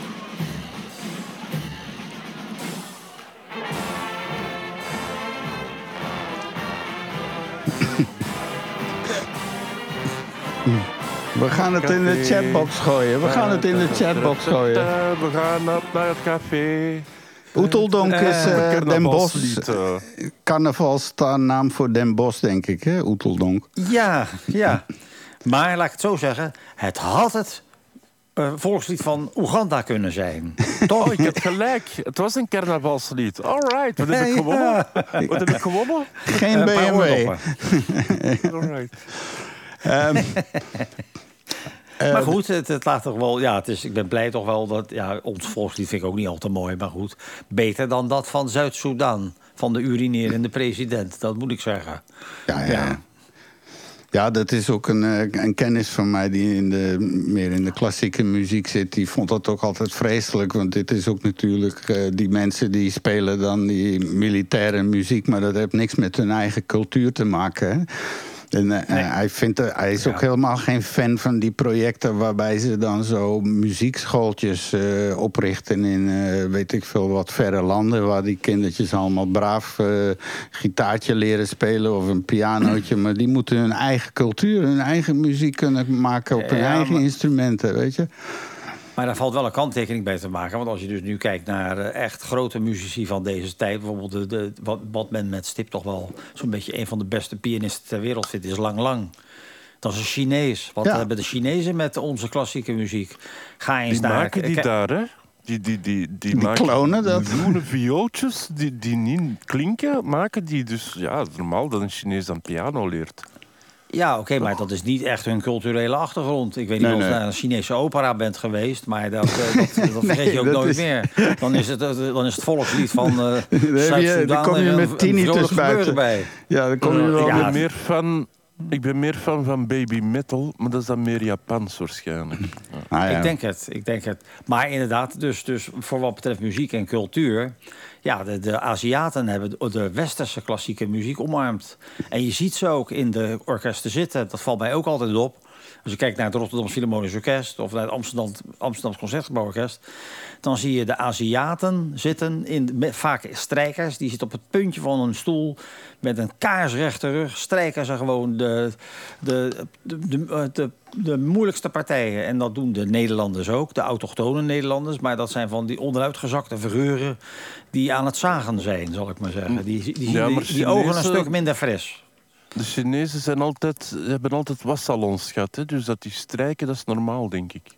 Ik denk het, ja. Nee, zeker. maar inderdaad, nee, maar, maar wat hebben dan Aziaten met westerse muziek? Eh, ja. Ja, dat was een manier om, eh, om weet ik veel, hoger op te komen. Want eh, je merkt ook die, die heel jong allemaal. Als je hier die Koning Elisabeth-wedstrijd... dat is hier ieder jaar hebben ze een versie voor zang... voor cello en piano, geloof Ja. ik, of viool. Ja. Ja. Ja, en voor viool, voor van alles en nog wat, ja. het is om het jaar. Dus het ene jaar is het zang en het andere jaar is het Ja, ja, viool. ja, ja. eh, Dus Ja, ja. en, piano, geloof ik. Maar ja, je En ziet dan ook... concours, Het liedconcours, ja. Een, een buitengewoon hoog aandeel, denk ik, ook van echt Aziatische. eh, en, en die nu gewonnen heeft, dat, is dan een, dat was dan een- volgens mij een Belgische, maar die was gewoon ook van Aziatisch. Maar ja, misschien hebben die meer die, die uithoudings. En eh, het is keihard, keihard werken en werken en Dat werken. is het ook een beetje, denk ik. Ja, je moet het, eh, piano leren is uren maken en een miljard keer hetzelfde spelen. En daar moet je een behoorlijke zelfdiscipline voor hebben. En inderdaad, als je dat, ik heb wel eens een documentje gezien over het leven van Lang Lang, maar die, heeft, die is nooit kind geweest hoor. Die, eh, nee. Die, eh, Net zoals Mozart en zo, hè? Een beetje ook. Die was toch ook Ja, een maar in die tijd was dat echt. Zeker, maar in die tijd was het natuurlijk een verkiet verdienmodel. Zijn vader, dat was Leopold, die was vioolleraar. En die zag de mogelijkheden. Dus die ging met het, met het wonderkind Mozart de, de, de Europese hoven af om geld te, te cashen. dat was dus een soort circus act. Hij speelde dan ook, eh, eh, eh, zeg maar, eh, met zijn handen op zijn rug kon die piano spelen. En ook met een zwarte lap over de toetsen heen. Het was een soort circus act eigenlijk. Ja, ja.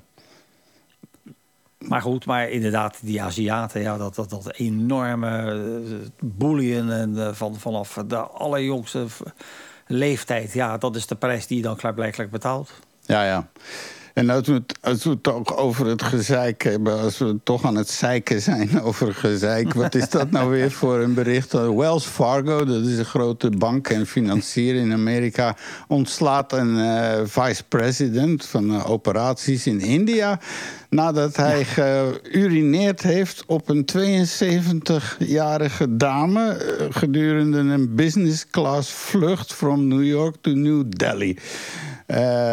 Nou, misschien was het een hele vervelende vrouw, dat kan, hè? Maar de banking exec, dus de man, claimt dat zij het wel oké okay vond. Eigenlijk, she condoned it. Dus er was niks aan de hand eigenlijk. Nou, het was ook de oma van, uh, hoe heet ze ook alweer? Van, uh... Nee, nee, ik ga het niet zeggen. Nee, nee, nee, nee wacht even hoor. Uh, Wells Fargo uh, heeft hem dus de man ontslagen en zo. En uh, fijn, de, de, details van het verhaal zijn misschien helemaal niet zo smakelijk. Maar ah ja, hij was dronken. Ach ja.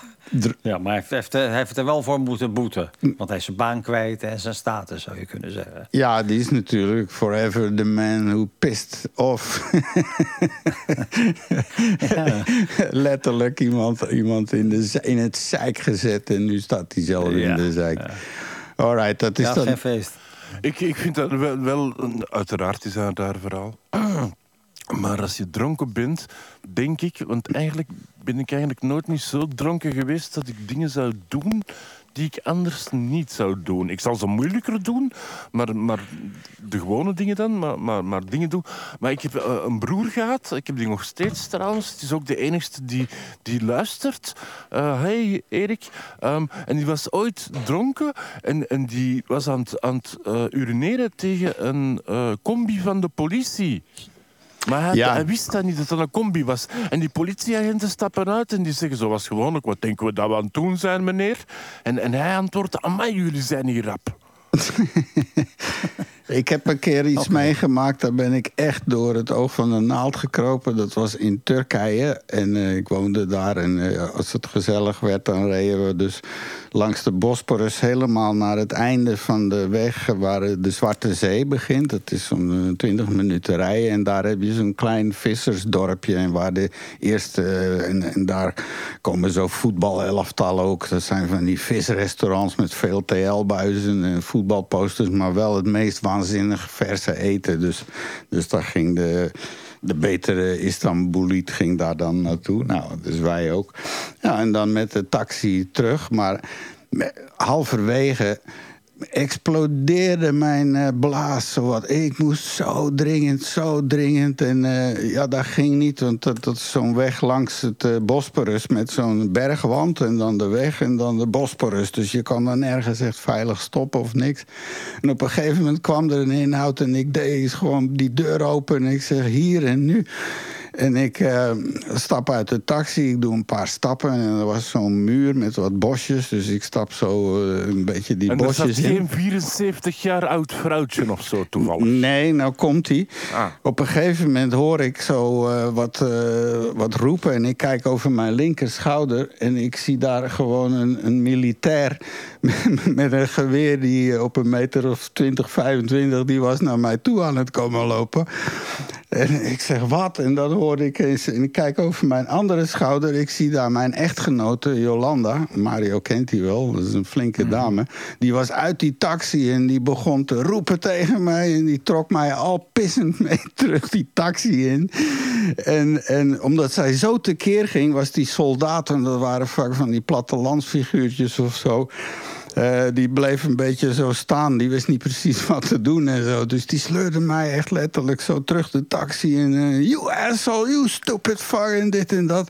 Weet je waar ik stond? Bij de ingangspoort van het presidentiële zomerpaleis. Daar stonden ja. gewoon dus militairen zo in wachthokje. dat is te en Je mag blij zijn dat je nog leeft. Echt waar, joh. Dat had zomaar totaal verkeerd op een heel andere manier kunnen aflopen. Ja. Dat ging echt op seconden. Ik ben daar toen echt gered door Jolanda. Want die, die, ging, die zag meteen wat er aan de hand was. En ik was gewoon te lazarus. Ik, ik wist, ja, ik dat, wist dat is ook geen goed land om in de gevangenis te zitten. Iedereen kent die, die film nog wel, de Midnight Midnight Express. Ja, ja, ja, zeker weten. ja, dat is, de oudere garde kent die film nog wel. Poeh. Ja, dat is, dat is niet niks. Maar goed. Ja, het was beter dan de Deer Hunter in ieder geval. Ja, hey, over memories. eh, we zijn nu toch een beetje in memory lane bezig. Ik ben, eh, ik ben, eh, t- jij hebt mij een link gestuurd over die podcast die ze over Alfred Lagarde aan het maken zijn, hè? toch? Nou, wat blijkt, ik ben geïnterviewd geworden door de man. Dat was eh, maandag of, eh, of zaterdag, denk ik. En eh, ik volg de podcast en dit gaat over Alfred Lagarde. In België zal dat weinig zeggen, maar in Nederland is dat een legendarische DJ. Eh, hij wordt eh, beschouwd als de rock and roll DJ, want hij eh, was heel erg bezig met hard rock en met muziek. Het was een fantastisch muziekliefhebber, een heel gedreven persoon. Hij is nu 25 jaar geleden overleden. Die leefde echt letterlijk met zijn voet op het gas. Dat was gewoon drank en feest en koken en rock and roll en, en snelle auto's en alles en zo. Dat was gewoon zijn ding. En eh, ja, hij is nu precies 25 jaar geleden overleden. En, eh, nou, en eh, ik heb dus contact gelegd met die maker. Die werkt bij Kink FM. In Nederland is dat een vrij bekend radiostation. En ik zou zeggen, van als je iets meer over mij wil weten... en hoe ik uiteindelijk van een soort drive-in show... naar mijn professionele bestaan... en dat wil zeggen, ik ging werken bij de VARA... en van daaruit kwam ik in de muziekstudiowereld enzovoort. Dus als je daar meer over wil weten of als je dat boeiend vindt... eh, dan kun je dus naar eh, Kink FM slash eh, Lagarde. Of Kink NL bedoel ik. De link zetten we zeker in de show notes. Maar, maar dat brengt wel een hele blik herinneringen terug. Dat was zo in de periode 79, 80, 81 zo. De betonuur bij de VARA, een heel populair radioprogramma toen. enzovoort. Dus dat waren echt letterlijk andere tijden, ja. Ja, ik snap nu wel hoe dat we bij het onderwerp van urinerende mensen ineens terug bij jou gekomen zijn. Nu, nu ligt de link er wel. Ja, dat was een beetje een zeikheid eigenlijk. Ja, daarvan. ik, hoor, ik luister graag naar mijn eigen gezeik. hey, ehm, eh, maar we zijn nog niet klaar. Oh ja, we zijn uitgezeken met dat gezeik, zeg maar. Maar wat ik nog veel walgelijker vind, is het volgende wat ik las. Eh, het is een walgelijk systeem wat ze hier bedacht hebben ooit... om topambtenaren te... Ik, wat hoor ik daar? Wordt daar Ja, gewerkt? we gaan timmer op de achtergrond of zo. Ja, ik ook. Bij wie- probeert er iemand in te breken? Of... Bij mij niet, want er is niks te halen. Nee, oké. Bij mij dan. ook niet, nee. Maar, dat zijn eh, die marsmannetjes. Ja, ja, dus, ze eh, zijn geland, ze zijn geland. Dus waar komt het op neer? Hier in België hebben ze een systeem waarbij topambtenaren... Die, de, de top of de top die krijgt dus zo'n 120.000 euro per jaar. Ik weet niet wat in Nederland eh, het maximum salaris is voor een ambtenaar. Misschien kan Mario dat even googelen. Nou, de balken en de norm hebben we. Hè. Dat is eh, zoiets van... Ja, ik weet niet hoeveel het was. Er was ook iets van... Zoveel als de 120 premier verdient. 140. Ja, dat is de balken en de norm. Maar in het bedrijfsleven wordt veel meer verdiend. Dus het is eh, ja, 120 ook of zoiets. nou ja, en, en, dus ja, ze moeten royaal betalen ook. Want ze hebben ook topambtenaren nodig. Echt de beste van de beste. Zo die, die, die niet naar, de, of tenminste, nou ja, de allerbeste, die gaan toch naar de bedrijven. Maar dan eh, krijg je toch zo de B-klasse die, die dan toch maar voor het ambt kiest. Maar na tien jaar dienst mogen Brusselse hoge ambtenaren hun salaris behouden tot hun pensioen. Ook als ze die functie niet meer uitoefenen. En daar werd zelfs speciaal een post voor in het leven geroepen. En daar kan de oppositie niet mee lachen. Dat snap ik ook wel. Dus ze hebben Ja. een soort eh, job gecreëerd, een, een, een post. eh, moet ik even zeggen, dan ben je eh, iets van coördinator van een coördinerend orgaan of zoiets enzovoort. En dan, ja, je hebt dan tien jaar gewerkt en misschien stop je dan op je 45ste als je heel vroeg begonnen bent. Ja, dan heb je nog dus 20 jaar te gaan en dan krijg je gewoon nog die, dat topsalaris gewoon doorbetaald tot je pensioen. Dat is toch helemaal bizar. Ja, een Nederlandse Ja. ambtenaar verdient gemiddeld 3010 euro bruto per maand.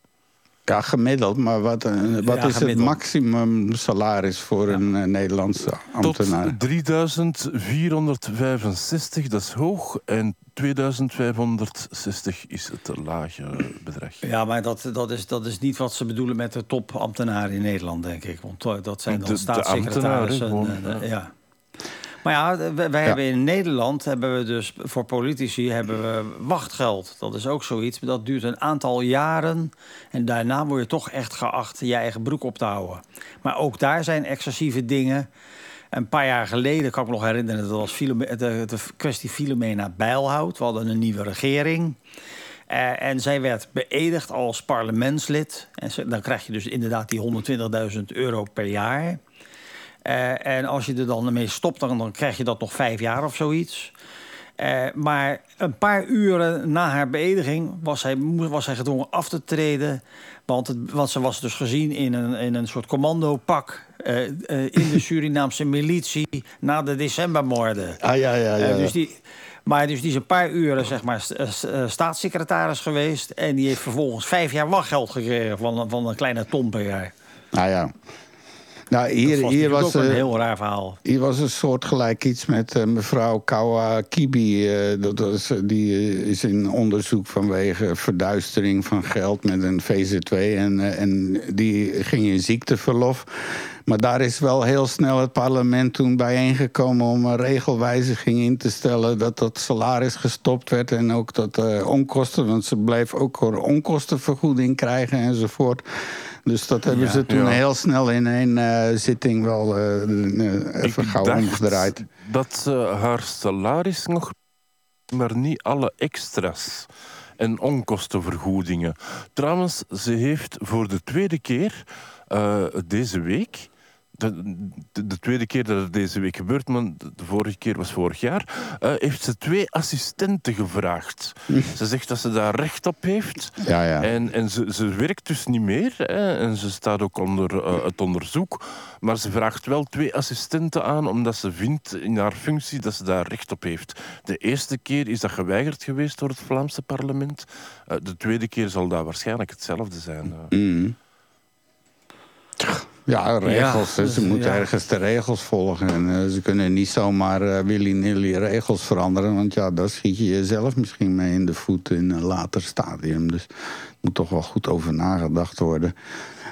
Maar, en, eh, en als we bij pek en veren en de overheid blijven, dat is nu dat Brussels geweest. Maar ik heb hier ook een voorbeeld van. eh, er stond in het nieuwsblad een artikel over eh, hoe het geld hier door de ramen en deuren vliegt. Omdat er heel veel gebouwen hier van de overheid, dat zijn werkelijk nog echt dingen uit de vijftiger jaren of nog ouder.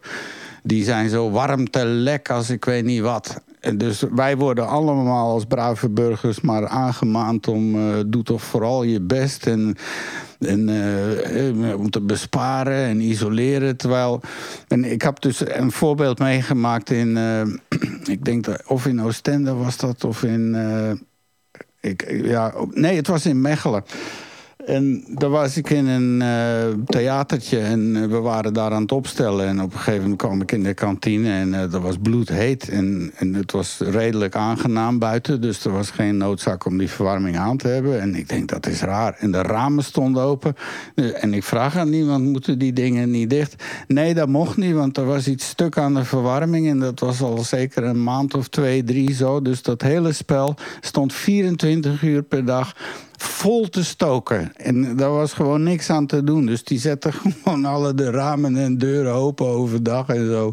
En zelfs s'avonds. En dat is toch de. En, eh, om, want ze kon, weet ik veel, om welke duistere reden. Maar ik heb dat ook hier meegemaakt met de single. Want eh, wij zaten in een studio waar dan ooit door de VRT een eh, luchtinstallatie is ingebouwd. En die werd vanuit Brussel bediend. Hè? Want die hele omroep daar, die hadden een controlekamer. Nou, en als er dan wat aan de hand was, dan moest er dus via de VRT moest er een technieker uit Brussel komen. En die ging dan kijken en die wist niet eens wat er, wat er aan... Die kwamen binnen, wat is dat hier allemaal? Zo.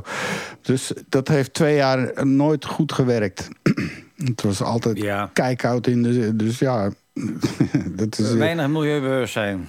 Maar de overheid verkwanselt dus. En, eh, en wij moeten dan allemaal maar netjes belasting betalen. En netjes dit en dat. Terwijl ze daar gewoon. Je wil niet weten wat er per maand aan stookkosten uit, die, uit het Koninklijk Paleis. En, en, en echt grote panden, grote, grote panden, ministeries en zo. Ongelooflijk. Maar ja, dat, is, sommige mensen zijn daar totaal niet mee bezig. Vliegen ze via het Midden-Oosten ergens. Dan kom je bij een vliegveld aan. Eh, in Abu Dhabi of Dubai, dan, dan, is het zeg maar op, eh, dan is het buiten 40 graden. Maar dan moet het, dat is status, dan moet dat hele, die hele luchthaven moet dan 19 graden zijn of zo. Of 18 graden, want dat is lekker koud, want het is status. Dat kunnen wij Hey, doen. Mario, Ik heb de- daar wel eens een paar uur gezeten. En ik, en ik had mijn, mijn zomerkleren aan. Ik, ik heb bijna een longontsteking opgelopen. Ik heb van ellende daar een, een trui gekocht. En dat zijn alleen maar peperdure zaken. Ik heb de allergoedkoopste Hugo Boss trui gekocht. Voor ik dacht eh, bijna 100 euro. Om maar niet te vernachelen van de kou in die paar uren dat ik daar in die luchthaven moest zijn. Ja, sterker nog, Dus- nu met afgelopen eh, WK voetbal in Qatar. De hele stadions werden gekoeld. Ze kregen Ja. het voor elkaar. Om buiten was het iets van 4, 35 graden. En in een stadion met open dak. Ja. Konden ze het omlaag krijgen tot zo'n 25, 26 graden. En je zag ook al die enorme outlets. Nou ja, maar ja, die, bij hun is energie natuurlijk eh, Gratis. bijna. Behalve dat ze, je moet nu weten hoeveel CO2 er per Ja. uur eh, de lucht in gaat dan. Hè. Dat is- Nee. Maar ja, dat is van alle tijden. Wat denk je van Las Vegas? Dat is, een, eh, dat is een blaar in de woestijn met, met groene gazons. En, ja, dat, dat, is, dat zijn eco-footprints. Daar kan ik alleen maar chagrijnig van worden. Maar goed, Voor voor mij spaarlampjes kopen en ledlampjes. in ieder geval deze week een dikke pek en veren voor de overheid hier. En zeker omdat ze het niet voor elkaar krijgen om hun eigen winkel te kunnen isoleren. En, eh, Ja. En, en dan maar klagen. En, eh, zet dan goddomme die verwarming uit als je het toch niet isoleert. En eh, geef Ja. die mensen dan een elektrisch vestje of zo om mee te werken. allemaal zo'n eh, zo'n eh, elektrisch eh, dekentje allemaal. En dan zomaar... eh, hè? Ja. ja. Even kijken hoor, eh, waar zijn we? Ja, ik denk dat we daar de aarde gaan verlaten, Mario. En dat we toch maar weer eens het hogerop gaan zoeken.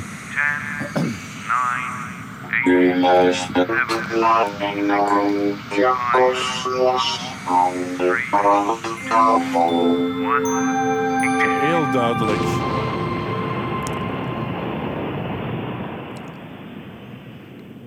Ja, ik wilde het eh, de- deze week hebben over de magnetar. Wat is een magnetar? Ga ik zo uitleggen.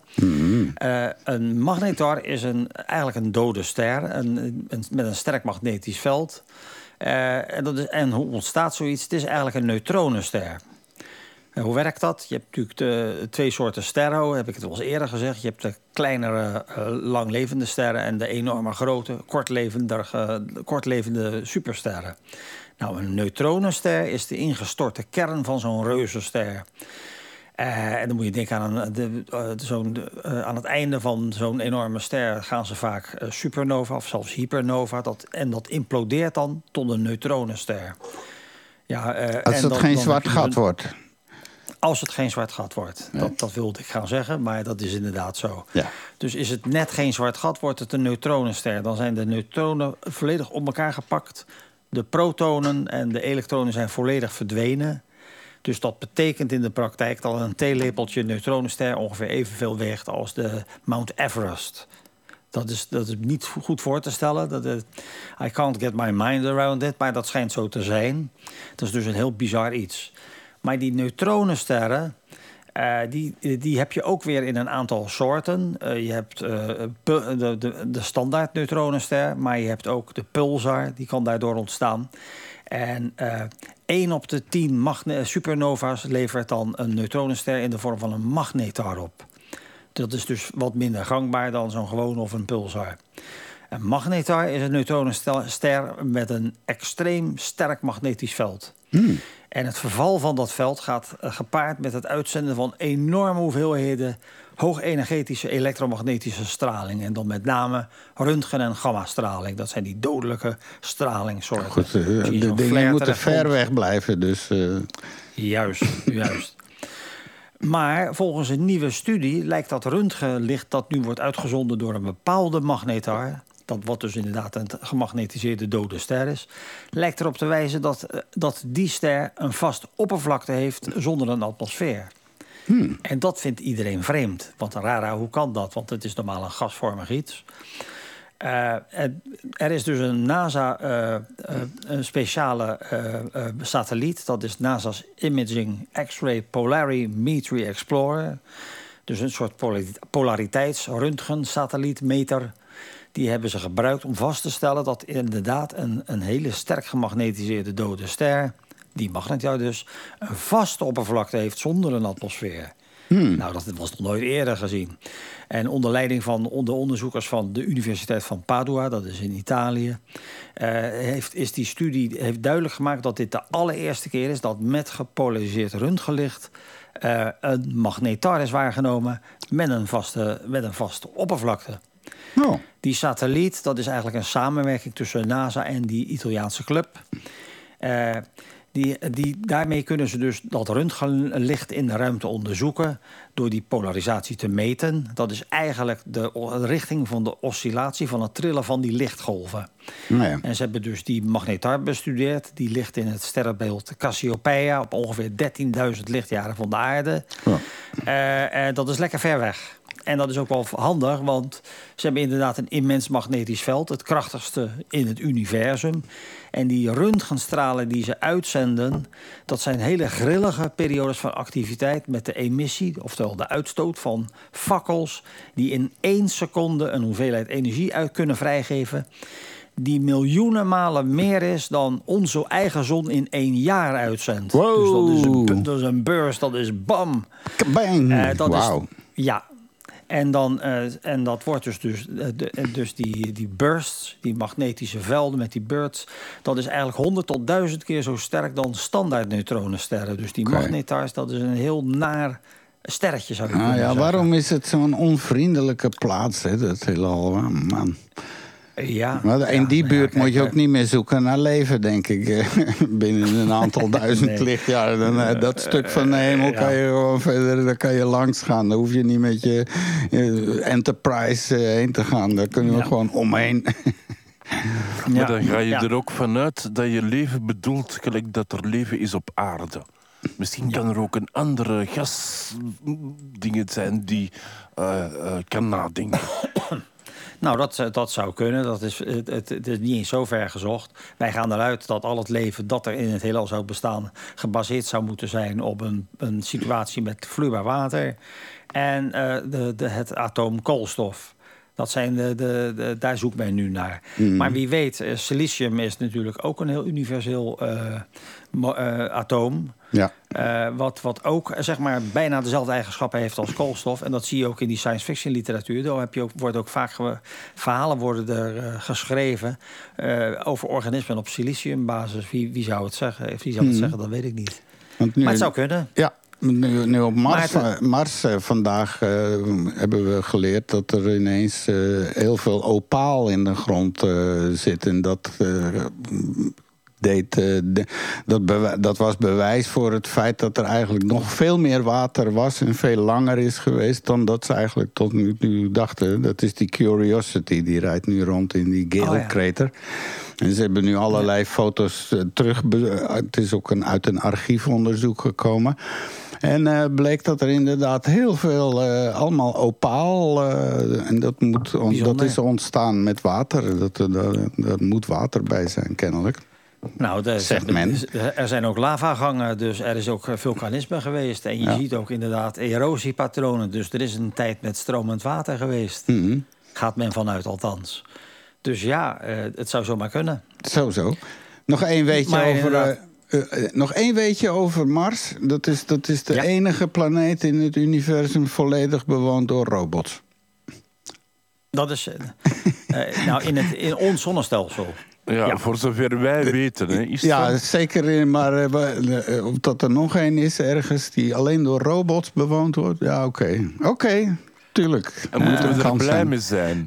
Zou het niet kunnen dat die robots robots beginnen bouwen, die dan ruimteschepen bouwen, die dan zeggen, we moeten de aarde eh, gaan aanvallen? Ja, en, dan, en dan, is het, dan zijn we weer bij War of the Worlds. Absoluut. Ja. Ja, maar goed. eh, Ta, ta, ta.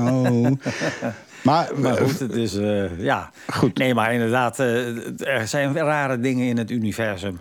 En wat betreft die magnetars, dat is dan een beetje een uithoek. Dus het is een heel zeldzaam sterretje. Maar dat toch, eh, men dus...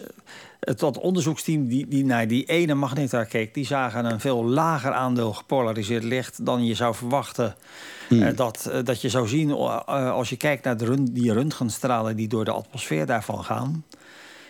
Want een atmosfeer werkt als een filter en selecteert slechts één polarisatietoestand van dat licht. En dat zagen ze niet. En dat is dus volkomen onverwacht. Want men, het gas van een ster heeft een, klaarblijkelijk dan een omslagpunt bereikt en is vast geworden. Op dezelfde manier waarop water in ijs zou kunnen veranderen. oké. Dus dan praat je officieel over een gewijzigde aggregatietoestand.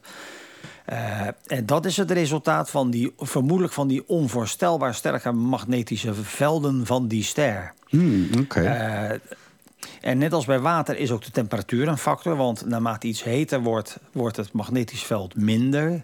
Dat ken ik van mijn eigen 3D-printer. Als ik in een bepaalde kunststof eh, print, eh, ABS om precies te zijn... dan moet ik mijn magneetbed verwarmen tot 100 graden. En dan, is, dan valt het magnetisme gewoon weg. Dus die, want dan moet ik vastzetten, want ik heb geen magneet. eh, Het werkt niet meer. Ik- Dan moet ik nog steeds uitzoeken hoe dat nou precies kan... want dat begrijp ik zelf ook niet helemaal. O jee. Eh, maar eh, ja... dus- Als dus jij dat- iets niet dus maar- begrijpt, oké, dan zijn we hopeloos verloren. Nou, dan is de wereld in last. Ja, nee, was het maar waar. nee, nee. Nee, maar inderdaad. Dus het feit dat dus zeg maar eh, eh, dat, dat er dus geen sfeer is en dat het dus vast is geworden, dat is dus eh, eigenlijk iets heel bijzonders. Oké. En men neemt aan dat die vaste korst van die ster on- ontstaan is uit een rooster van ionen. Dat zijn natuurlijk ge- geladen deeltjes. Bij elkaar gehouden door dat krankzinnige magnetische veld. En de stelling is ook, dat vind ik heel bijzonder, dat de atomen niet bolvormig zouden zijn, maar langwerpig in de richting van het magnetische veld. Oké. Nou, nou daar kan ik me helemaal niks bij voorstellen. Een, een breedback-atoom. Ja, maar dit is dus de eerste waarneming van een neutronenster... waarbij men, eh, men heeft kunnen vaststellen dat er een vaste korst is. En dat lijkt een betrouwbare verklaring. En zo zijn we eigenlijk weer een stapje dichterbij... het ontraadselen van de werking van de kosmos. Alright. Dus ja, Nou, en van de kosmos helemaal terug op aarde. Uw brengt u gedicht erbij. Zo slaan we van de ene moed in de andere om. En we gaan van de linkerhelft brein naar de rechterbreinhelft. En eh, deze keer heeft eh, ons eh, Chris weer een, eh, een smakelijke kopje thee voor u. Hè? Ja, dat klopt inderdaad. Dit gedicht is geschreven door een zekere Antje. Eh, Meer kan ik daar ook niet over vertellen, want meer stond er ook niet bij. Maar zij heeft een gedicht geschreven en noemt Een Zoete Dood. En eigenlijk gaat het erover hoe, hoe dat je jezelf zou voelen moest je een theezakje zijn. en, en dit alles wo- wordt eh, muzikaal omkaderd door Mario uit Rotterdam. De techniek staat voor niks. Oké. In het donker van de nacht. Heel, keurig, allemaal in gelid, wachten ze op de morgen. De zakjes waar thee in zit. Angstig en huiverend, ze wachten op hun beurt. Wie wordt er gekozen? Wie wordt er goedgekeurd? Het voorste probeert het zich klein te maken. Hij vreest het al ten zeerst. Het is natuurlijk eerst. In de vroege morgen, na de nacht, horen ze de vertrouwde dingen. Een ketel die staat te zingen.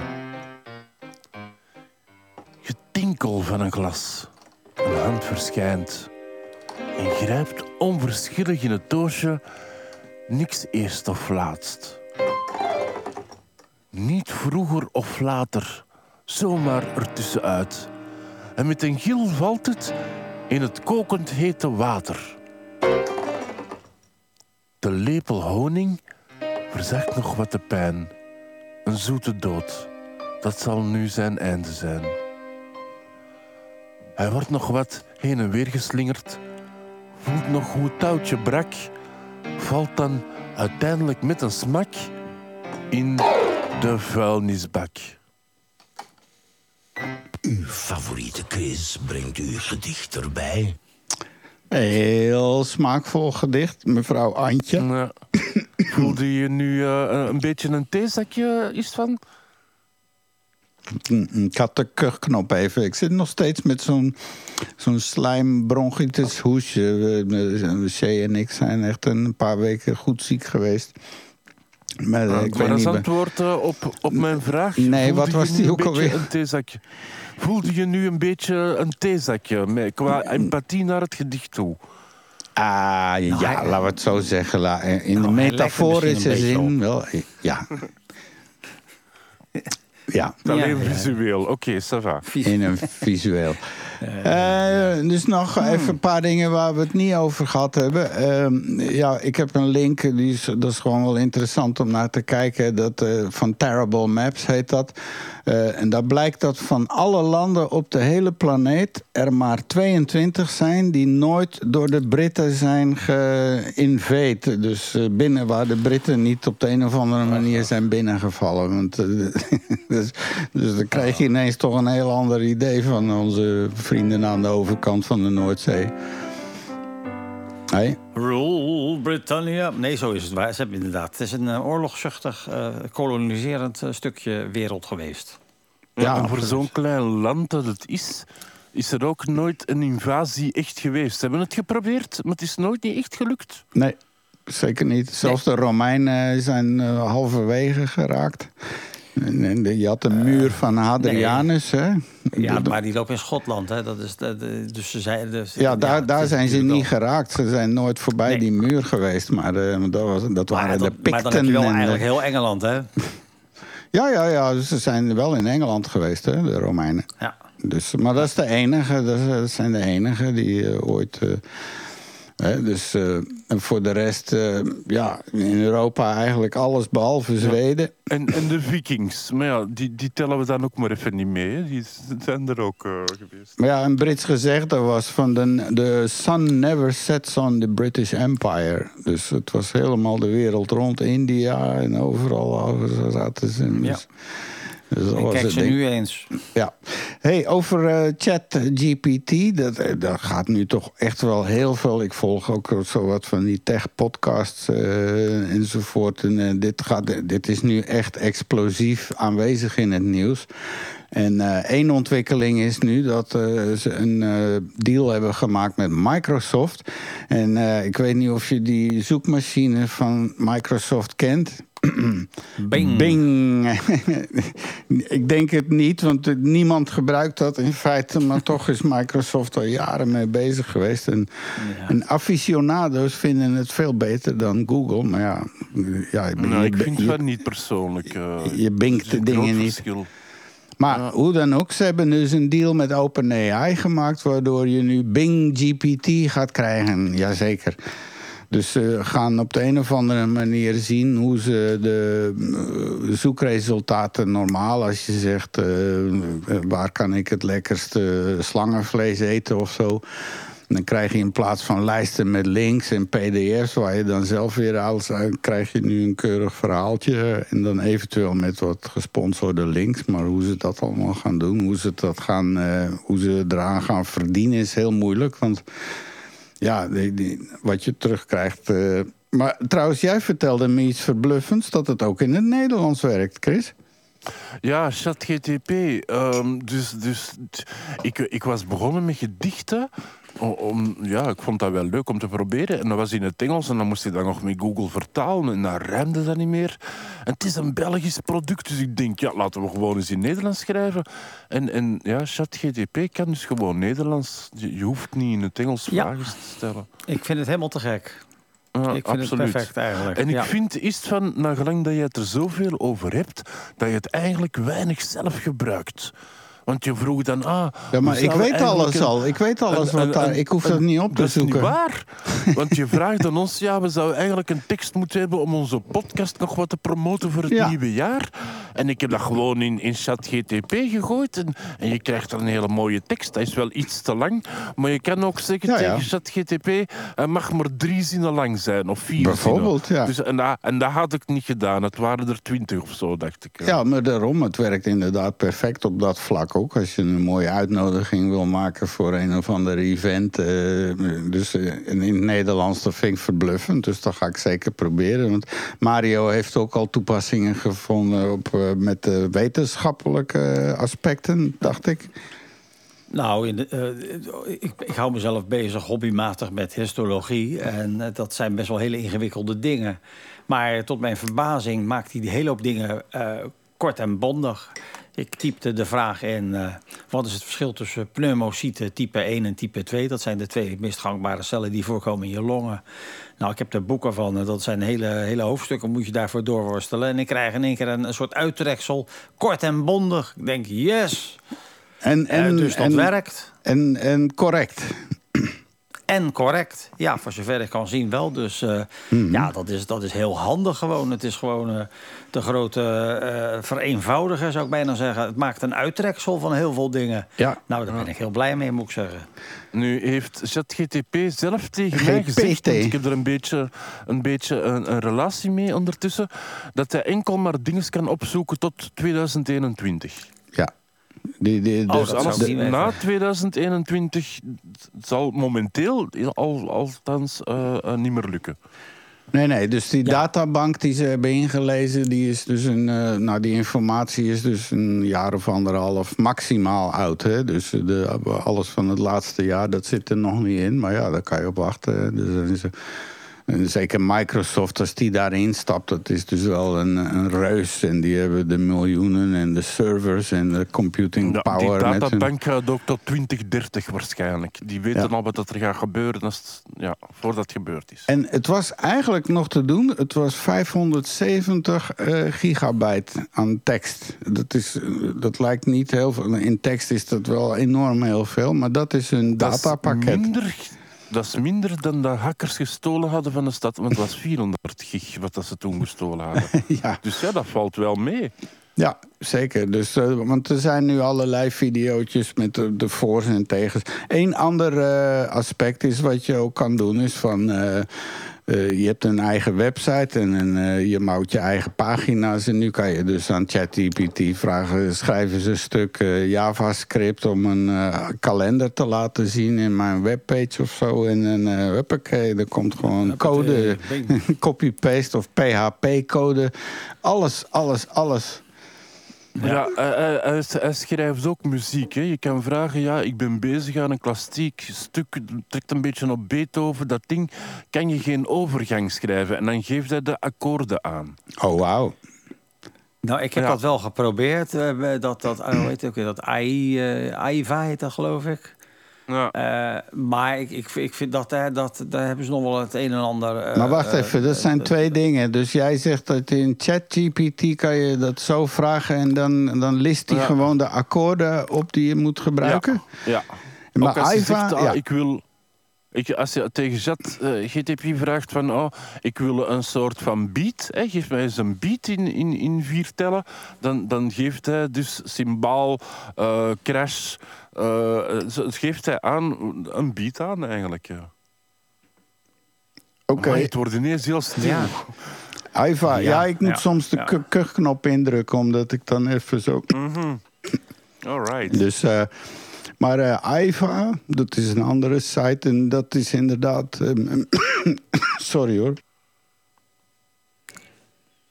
Ja, eh, eh, ik zal ik even inhaken. Mijn, mijn allerfavorietste iSite momenteel is Playground. En, En wat is dat? Die maakt dus de illustraties. Ook de illustratie die je vandaag zag hè, Oh, van, ja. van Istvan. Ja. Dus je, je hebt een soort filters van cinematic tot retro. Die, die dingen die ik nu gebruikt had voor Istvan was retro futuristiek. Dus die geeft zo de, de soort van Ja, ik ben daar ook de geweest. Dat jaren is grappig. 50. En, en je typt dus gewoon in wat dat je wil. En, en, en dan krijg je keuzes en dan kan je kiezen. En het leuke eraan is, deze is grotendeels gratis. Je, je kan ook betalen voor betere resoluties. Als je een poster wilt voor tegen de gevel van je living of zo, dan, dan moet je wel betalen. Maar voor de rest doet hij eigenlijk tot hiertoe alles Ah, gratis. En ik vind het een van de leukste. Ja, tot me ook de handigste. Ik heb me bezig gehouden met Mid Journey. Dat vond ik ook wel een mooi programma. Dat is ook zoiets. Ah, Maar wel, dat- het trekt dat- daar een beetje op qua, qua de, hetgeen dat je moet zeggen en de kwaliteit die je terugkrijgt. Trekt het op Midjourney. Alleen Ah, oké. met Midjourney mag je tien keer gratis en dan moet je betalen. Ja. En, en Ja, deze die op. blijft gewoon gaan. Ja, ja. Ah, oké. Playground zeg je, hè? Oh, Ja, ik heb de link, de link staat in de, voor ons eh, medewerkers in de Slack. Eh, maar we zetten hem zeker ook eh, op de webpage. Hè, eh, En als je hem opstart, dan krijg je allemaal tekeningen te zien van de mensen die ermee gewerkt hebben. Er staan er ook een paar van mij tussen. En dan van boven staat er create en dan kan je beginnen. Maar als je met, met je muis op zo'n fotootje gaat, dan zie je wat die personen hebben ingetypt om die kwaliteit te krijgen. En dan kan je een beetje leren zo van, oh ja, ik wil Ja. zo wat die dingen hebben. En dan, Oh maar die filters doen ook veel. De filters doen ook. En wat ook leuk is, je kan een foto van jezelf ja, heb ik eh, gedaan. eh, erin zitten. En dan, dan kan je zeggen, maak eens een cartoon van mezelf. In die kwaliteit. En dan krijg je, en je kan ook schuiven met zo'n regeltje hoeveel van jezelf dat je in die foto wilt. Wil je dat je helemaal gecartoneerd wordt of wil je dat je toch een beetje herkenbaar wordt? ja. Dus het is best leuk eh, om het Ik te heb dat geprobeerd eh, met, eh, met die foto Ja, jij van bent al een beetje met een cartoon drieën. natuurlijk, hè? Ja, ja, bij mij is niet veel nodig, dat klopt. Nee. Maar eh, ik, ik eh, zal zien. We gaan, we gaan het proberen. Want, maar maar ik, ik, ik, ik krijg wel zo'n beetje iets van... Het is, ik vind zo'n flipperkast ding. Van, eh, je trekt aan de hendel en dan Ja. zie je iets. Nou, en dan trek ik nog een keer. Maar ja, zo kan je dus wel drie uur door blijven gaan. Want je weet nooit of dat je echt de mooiste ge- gegenereerd hebt die er is. Want er is nog altijd een nog mooier eh, mogelijk, weet je wel. Dus je kan daar gewoon drie uur achter elkaar zitten en eh, nog eens en nog eens en nog eens. Absoluut. En, dan, en dan ontdek je, als je dan zegt tegen die playground van... Ja, maar ik wil het in de stijl van een Rubens schilderij. En dan krijg je echt van de meest fantastische kleurenbeelden. Bij mij was het dan een, een, een planeet die in oorlog was met aliens. Ik had een rare droom gehad die dag ervoor. En dan krijg je echt van die fantastische beelden die je vroeger in stripverhalen zag van... eh, hoe noemde die? Flash. Zo met heel mooie Ja, eh, ja. airbrushbeelden en zo. En wel dat soort krijg je. Dat is wel tof op zich. Maar genoeg reclame gemaakt voor AI. Ja, ai, ai, ai. Ai, ai, ai, ai, Ai, ai. Maar het is inderdaad verbazingwekkend. Ik probeer het nu even. Het ziet er gelijk fantastisch uit. Maar dat is het zo. Dat is wel mijn bezwaar. Het- blijft natuurlijk gewoon computerkunst. Eh, maar het, het, het kan handig zijn, absoluut. Ja, je voor, voor snelle toepassingen om misschien een illustratietje te maken. Maar ja, de- je krijgt natuurlijk nu een hele beweging met de kunst. En dan gaan die waarschijnlijk ook weer te koop worden met NFT's en weet ik het allemaal. Waarvoor Ja, maar weet je, dat was met fotografie ook. Hè. De kunstenaars vonden fotografie... Ja, dat is op een knop duwen. Er is niks aan. En, en momenteel is fotografie ook een kunstvorm. Dus ja, we moeten het gewoon gewoon worden. Gewoon gewoon worden, dat is het. Ja. Eh, u hoort het eindmuziekje al. Dat betekent we zijn de laatste vijf minuten ingegaan. eh, minder nog. Eh, ik wil zeker even nog dank brengen aan Lucy Rooms. Dat is de software die wij gebruiken. Die jongens die helpen ons. Ik wil hun helpen. En onze Serge Verstokt en Koffiekoek. Die heeft wat geholpen.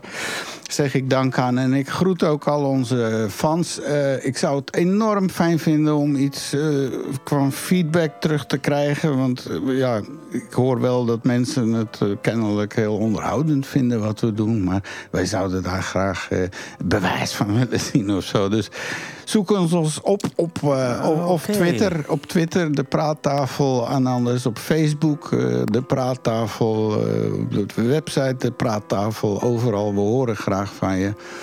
En wat mij betreft eh, zeg ik alvast een hele fijne week gewenst. Ik heb allerlei dingen te doen, plannen maken en eh, optredens komen eraan, voorbereiden, technische bezoeken, fiches maken enzovoort. Dus very Heel busy. boeiend. Ja, ja, ja, oké. heerlijk, eh, heerlijk, lekker druk bezig gewoon. Dan hoef ik niet aan mijn eigen ellende te denken, zeg maar. Ja.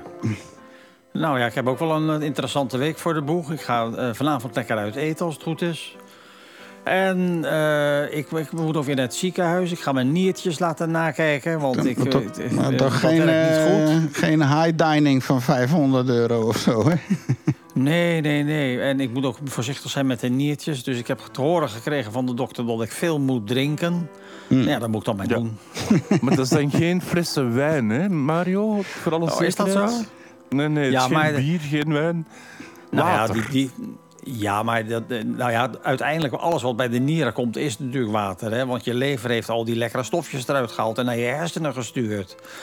Eh, dus dat maakt, voor de, voor, dat maakt voor die nier natuurlijk helemaal niks uit. Ah ja, oké. Mhm. En dat is natuurlijk een geweldig excuus om een lekker biertje te drinken. Ja. Nee, maar je weet, ik ja. van mijn 14 jaar in de horeca sta. En, en er kwam, ik, ik werkte zondags op een cafeetje aan de Vogelenmarkt. Dat ken je zeker, de Vogelenmarkt. En daar kwamen alle cafébazen van de stad die hun deur die nacht, ochtend gesloten hadden. En die kwamen daar drinken. En dat was dan niet geef mij een whisky, maar geef mij een fles whisky. En, en ik denk, twee, drie jaar later zaten die allemaal aan de nierdialyse. Dus er ligt wel ergens een link volgens mij.